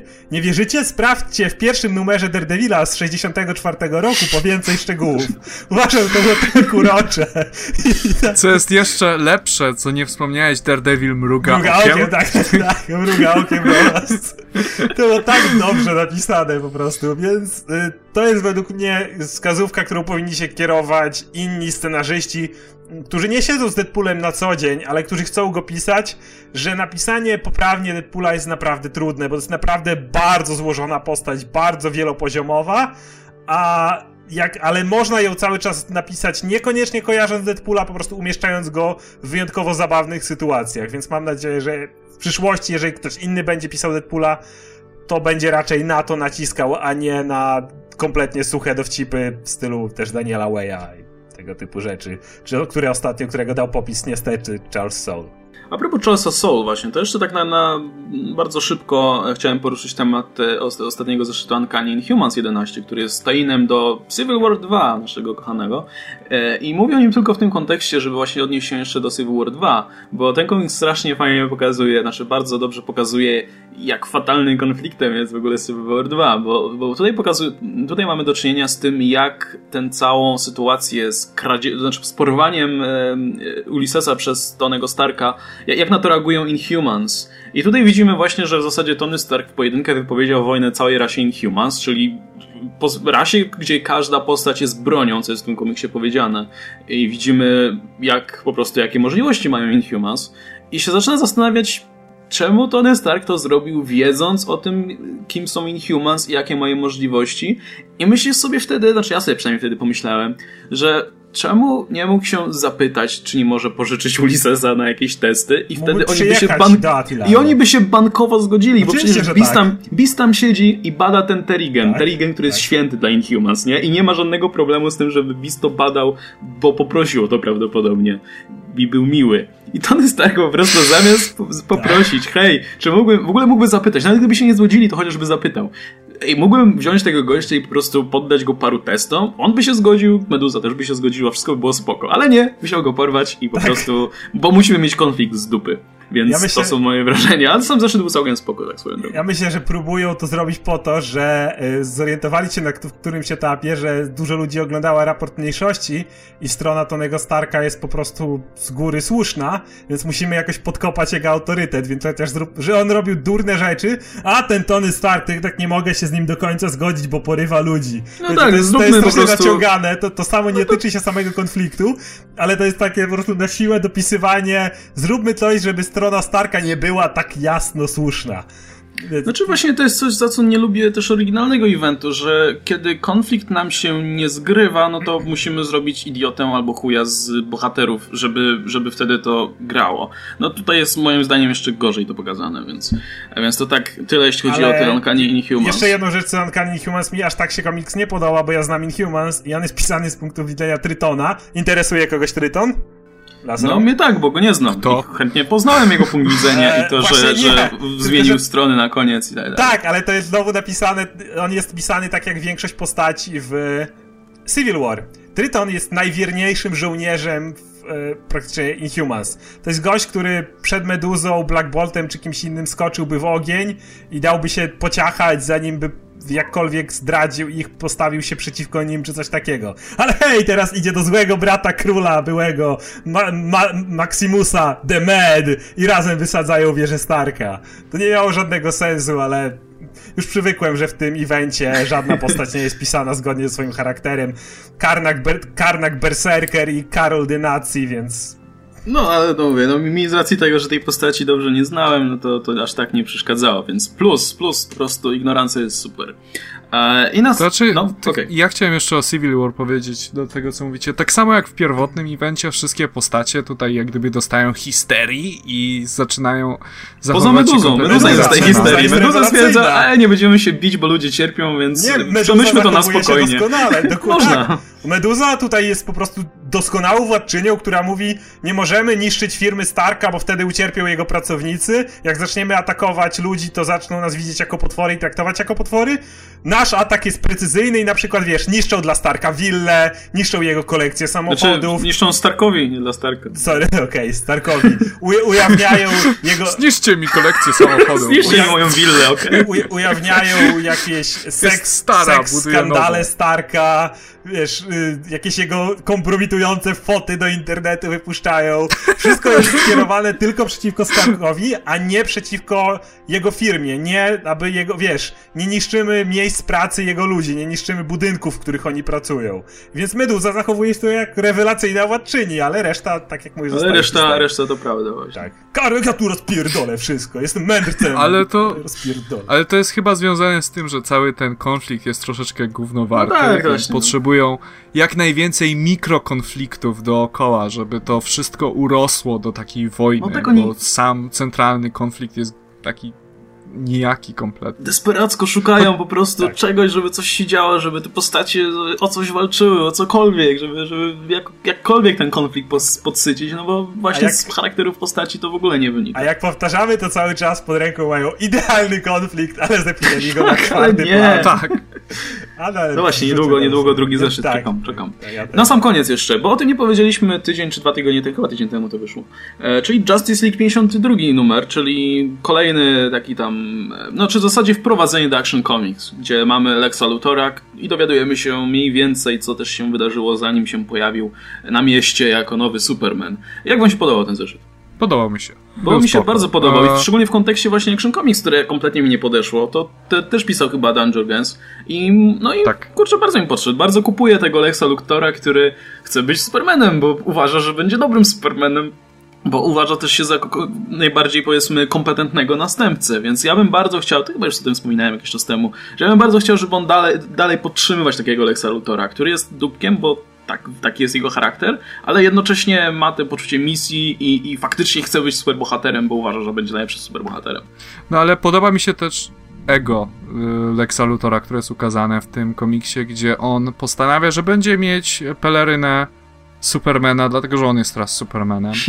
No i ta peleryna w tej chwili zasiada w Daily Planet, bo Clark Kent był Supermanem i wszyscy o tym wiedzą, więc nie ma, Clark Kent nie miał rodziny w, tej, w tym continuity, więc po prostu Daily Planet jak gdyby dziedziczy tą pelerynę. I Lex Luthor próbuje ją najpierw po prostu dogadać się z nimi, oni nie chcą mu dać, więc kupuje całą gazetę. Bo może. Żeby mnie, bo może i tak dalej. I Lex Luthor to jest taka. Lex Luthor to zawsze była taka postać, która po prostu sięga po rzeczy, które chce mieć i musi je mieć, absolutnie. I to był jak gdyby podstawa tego, z jakiej stał się złoczyńcą. I teraz mu się po prostu zachciało być dobrym. I musi być dobrym. I chce, zachciało mu się być Supermanem. I podoba mi się, że, ten, że to nie jest w żaden sposób zmieniony Luthor, że to jest nadal ta sama postać, po prostu jej cele są w tej chwili dobre. W cudzysłowie, czy, bo i intencje. Ale czy przez to nowy Superman nie wychodzi na jeszcze większego buca, że go od razu zaatakował? Tak, bez, bez... No, ta, tak wychodzi, ale to wiesz, e, to jest trosze, to jest też takie, to jest taka sytuacja, że ten nowy Superman po prostu nie, nie mógł sobie poradzić z tym, bo dla niego to była obelga potworna, bo Lex Luthor e, pre-flashpointowy był dużo mniej, jak gdyby w skali szarości, był dużo bardziej, był po prostu złoczyńcą, I oczywistym. mordercą. i mordercą, i wiesz, i, i podczas gdy ten Lex Luthor z New 52 jest kimś takim, jest bardziej antybohaterem. E, i, I to jest po prostu jak gdyby spotkanie się dwóch wizji, bo Lex Luthor trochę co innego ma na myśli myśląc o Supermanie i Superman troszeczkę co innego myśli mówiąc, myśląc o Lexie Luthorze. Więc to, więc to mi się, to, to mi się do pewnego stopnia podoba, gdyby było napisane lepiej. Gdyby troszeczkę y, głębiej w to weszli, no ale musieliśmy mieć Doomsdaya. Nie wiem dlaczego. I no zobaczymy, jak to będzie w następnych zeszytach rozwinięte. No ja właśnie po tym pierwszym zeszycie Action Comics właśnie mój, mój entuzjazm powiedzmy opadł, ale potem przeczytałem ten Justice League 52 i uznałem, że no może, może jednak coś, coś jeszcze w tej serii dla siebie znajdę. Przynajmniej jeśli, przynajmniej jeśli chodzi właśnie o, o Lex Luthora, który tutaj mówię, dla mnie jest bardzo interesującą postacią. No i ogólnie tyle, jeśli chodzi o te komiksy. W zasadzie nie było w sumie dużo do omówienia w tym, w tym tygodniu. W sumie jakoś tak posłucha trochę trwa. Ale zobaczymy, co będzie, co wyjdzie w przyszłym tygodniu. To w takim razie jeszcze na sam koniec przypomnę o materiałach tutaj Adama i Oskara, które są na ich kanałach dotyczących e, Ultimate Cut Batman v Superman. E, są podlinkowane tutaj w opisie i, i, no, w poście i wszędzie w zasadzie, gdzie się dało je podlinkować. E, natomiast jak pewnie wiecie z poprzedniego odcinka, mieliśmy konkurs i rozdawajkę, które, które w momencie, kiedy my nagrywamy, jeszcze trwają. Natomiast wy, w momencie, kiedy słuchacie tego podcastu, to albo są blisko rozstrzygnięcia, albo już zostały rozstrzygnięte. I teraz rozdawajka dotycząca komiksu e, tego Dark Knight Last Crusade, Dark Knight Returns Last Crusade. Wynik znajdziecie właśnie w poście E, z osadzonym tym e, odcinkiem podcastu na blogu ikabot.pl. Tam zapraszam, żeby, żeby odnaleźć tutaj e, nazwisko czy ksywkę zwycięzcy.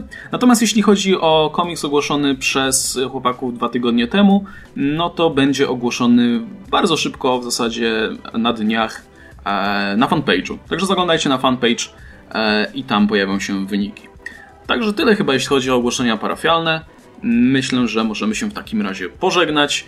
E, akurat jest przerwa w meczu, więc jest trochę chwila ciszy. Możemy się w spokoju, ładnie tutaj z Wami pożegnać i lecimy oglądać mecz. Także trzymamy kciuki. Dobra, ze mną był jak co tydzień Adam Antolski i Ankon Mruwa. Hej wszystkim. I Oskar Rogowski, komiksomaniak. Cześć Wam. I dziękujemy za uwagę. Widzimy się prawdopodobnie za tydzień. Trzymajcie się. Cześć.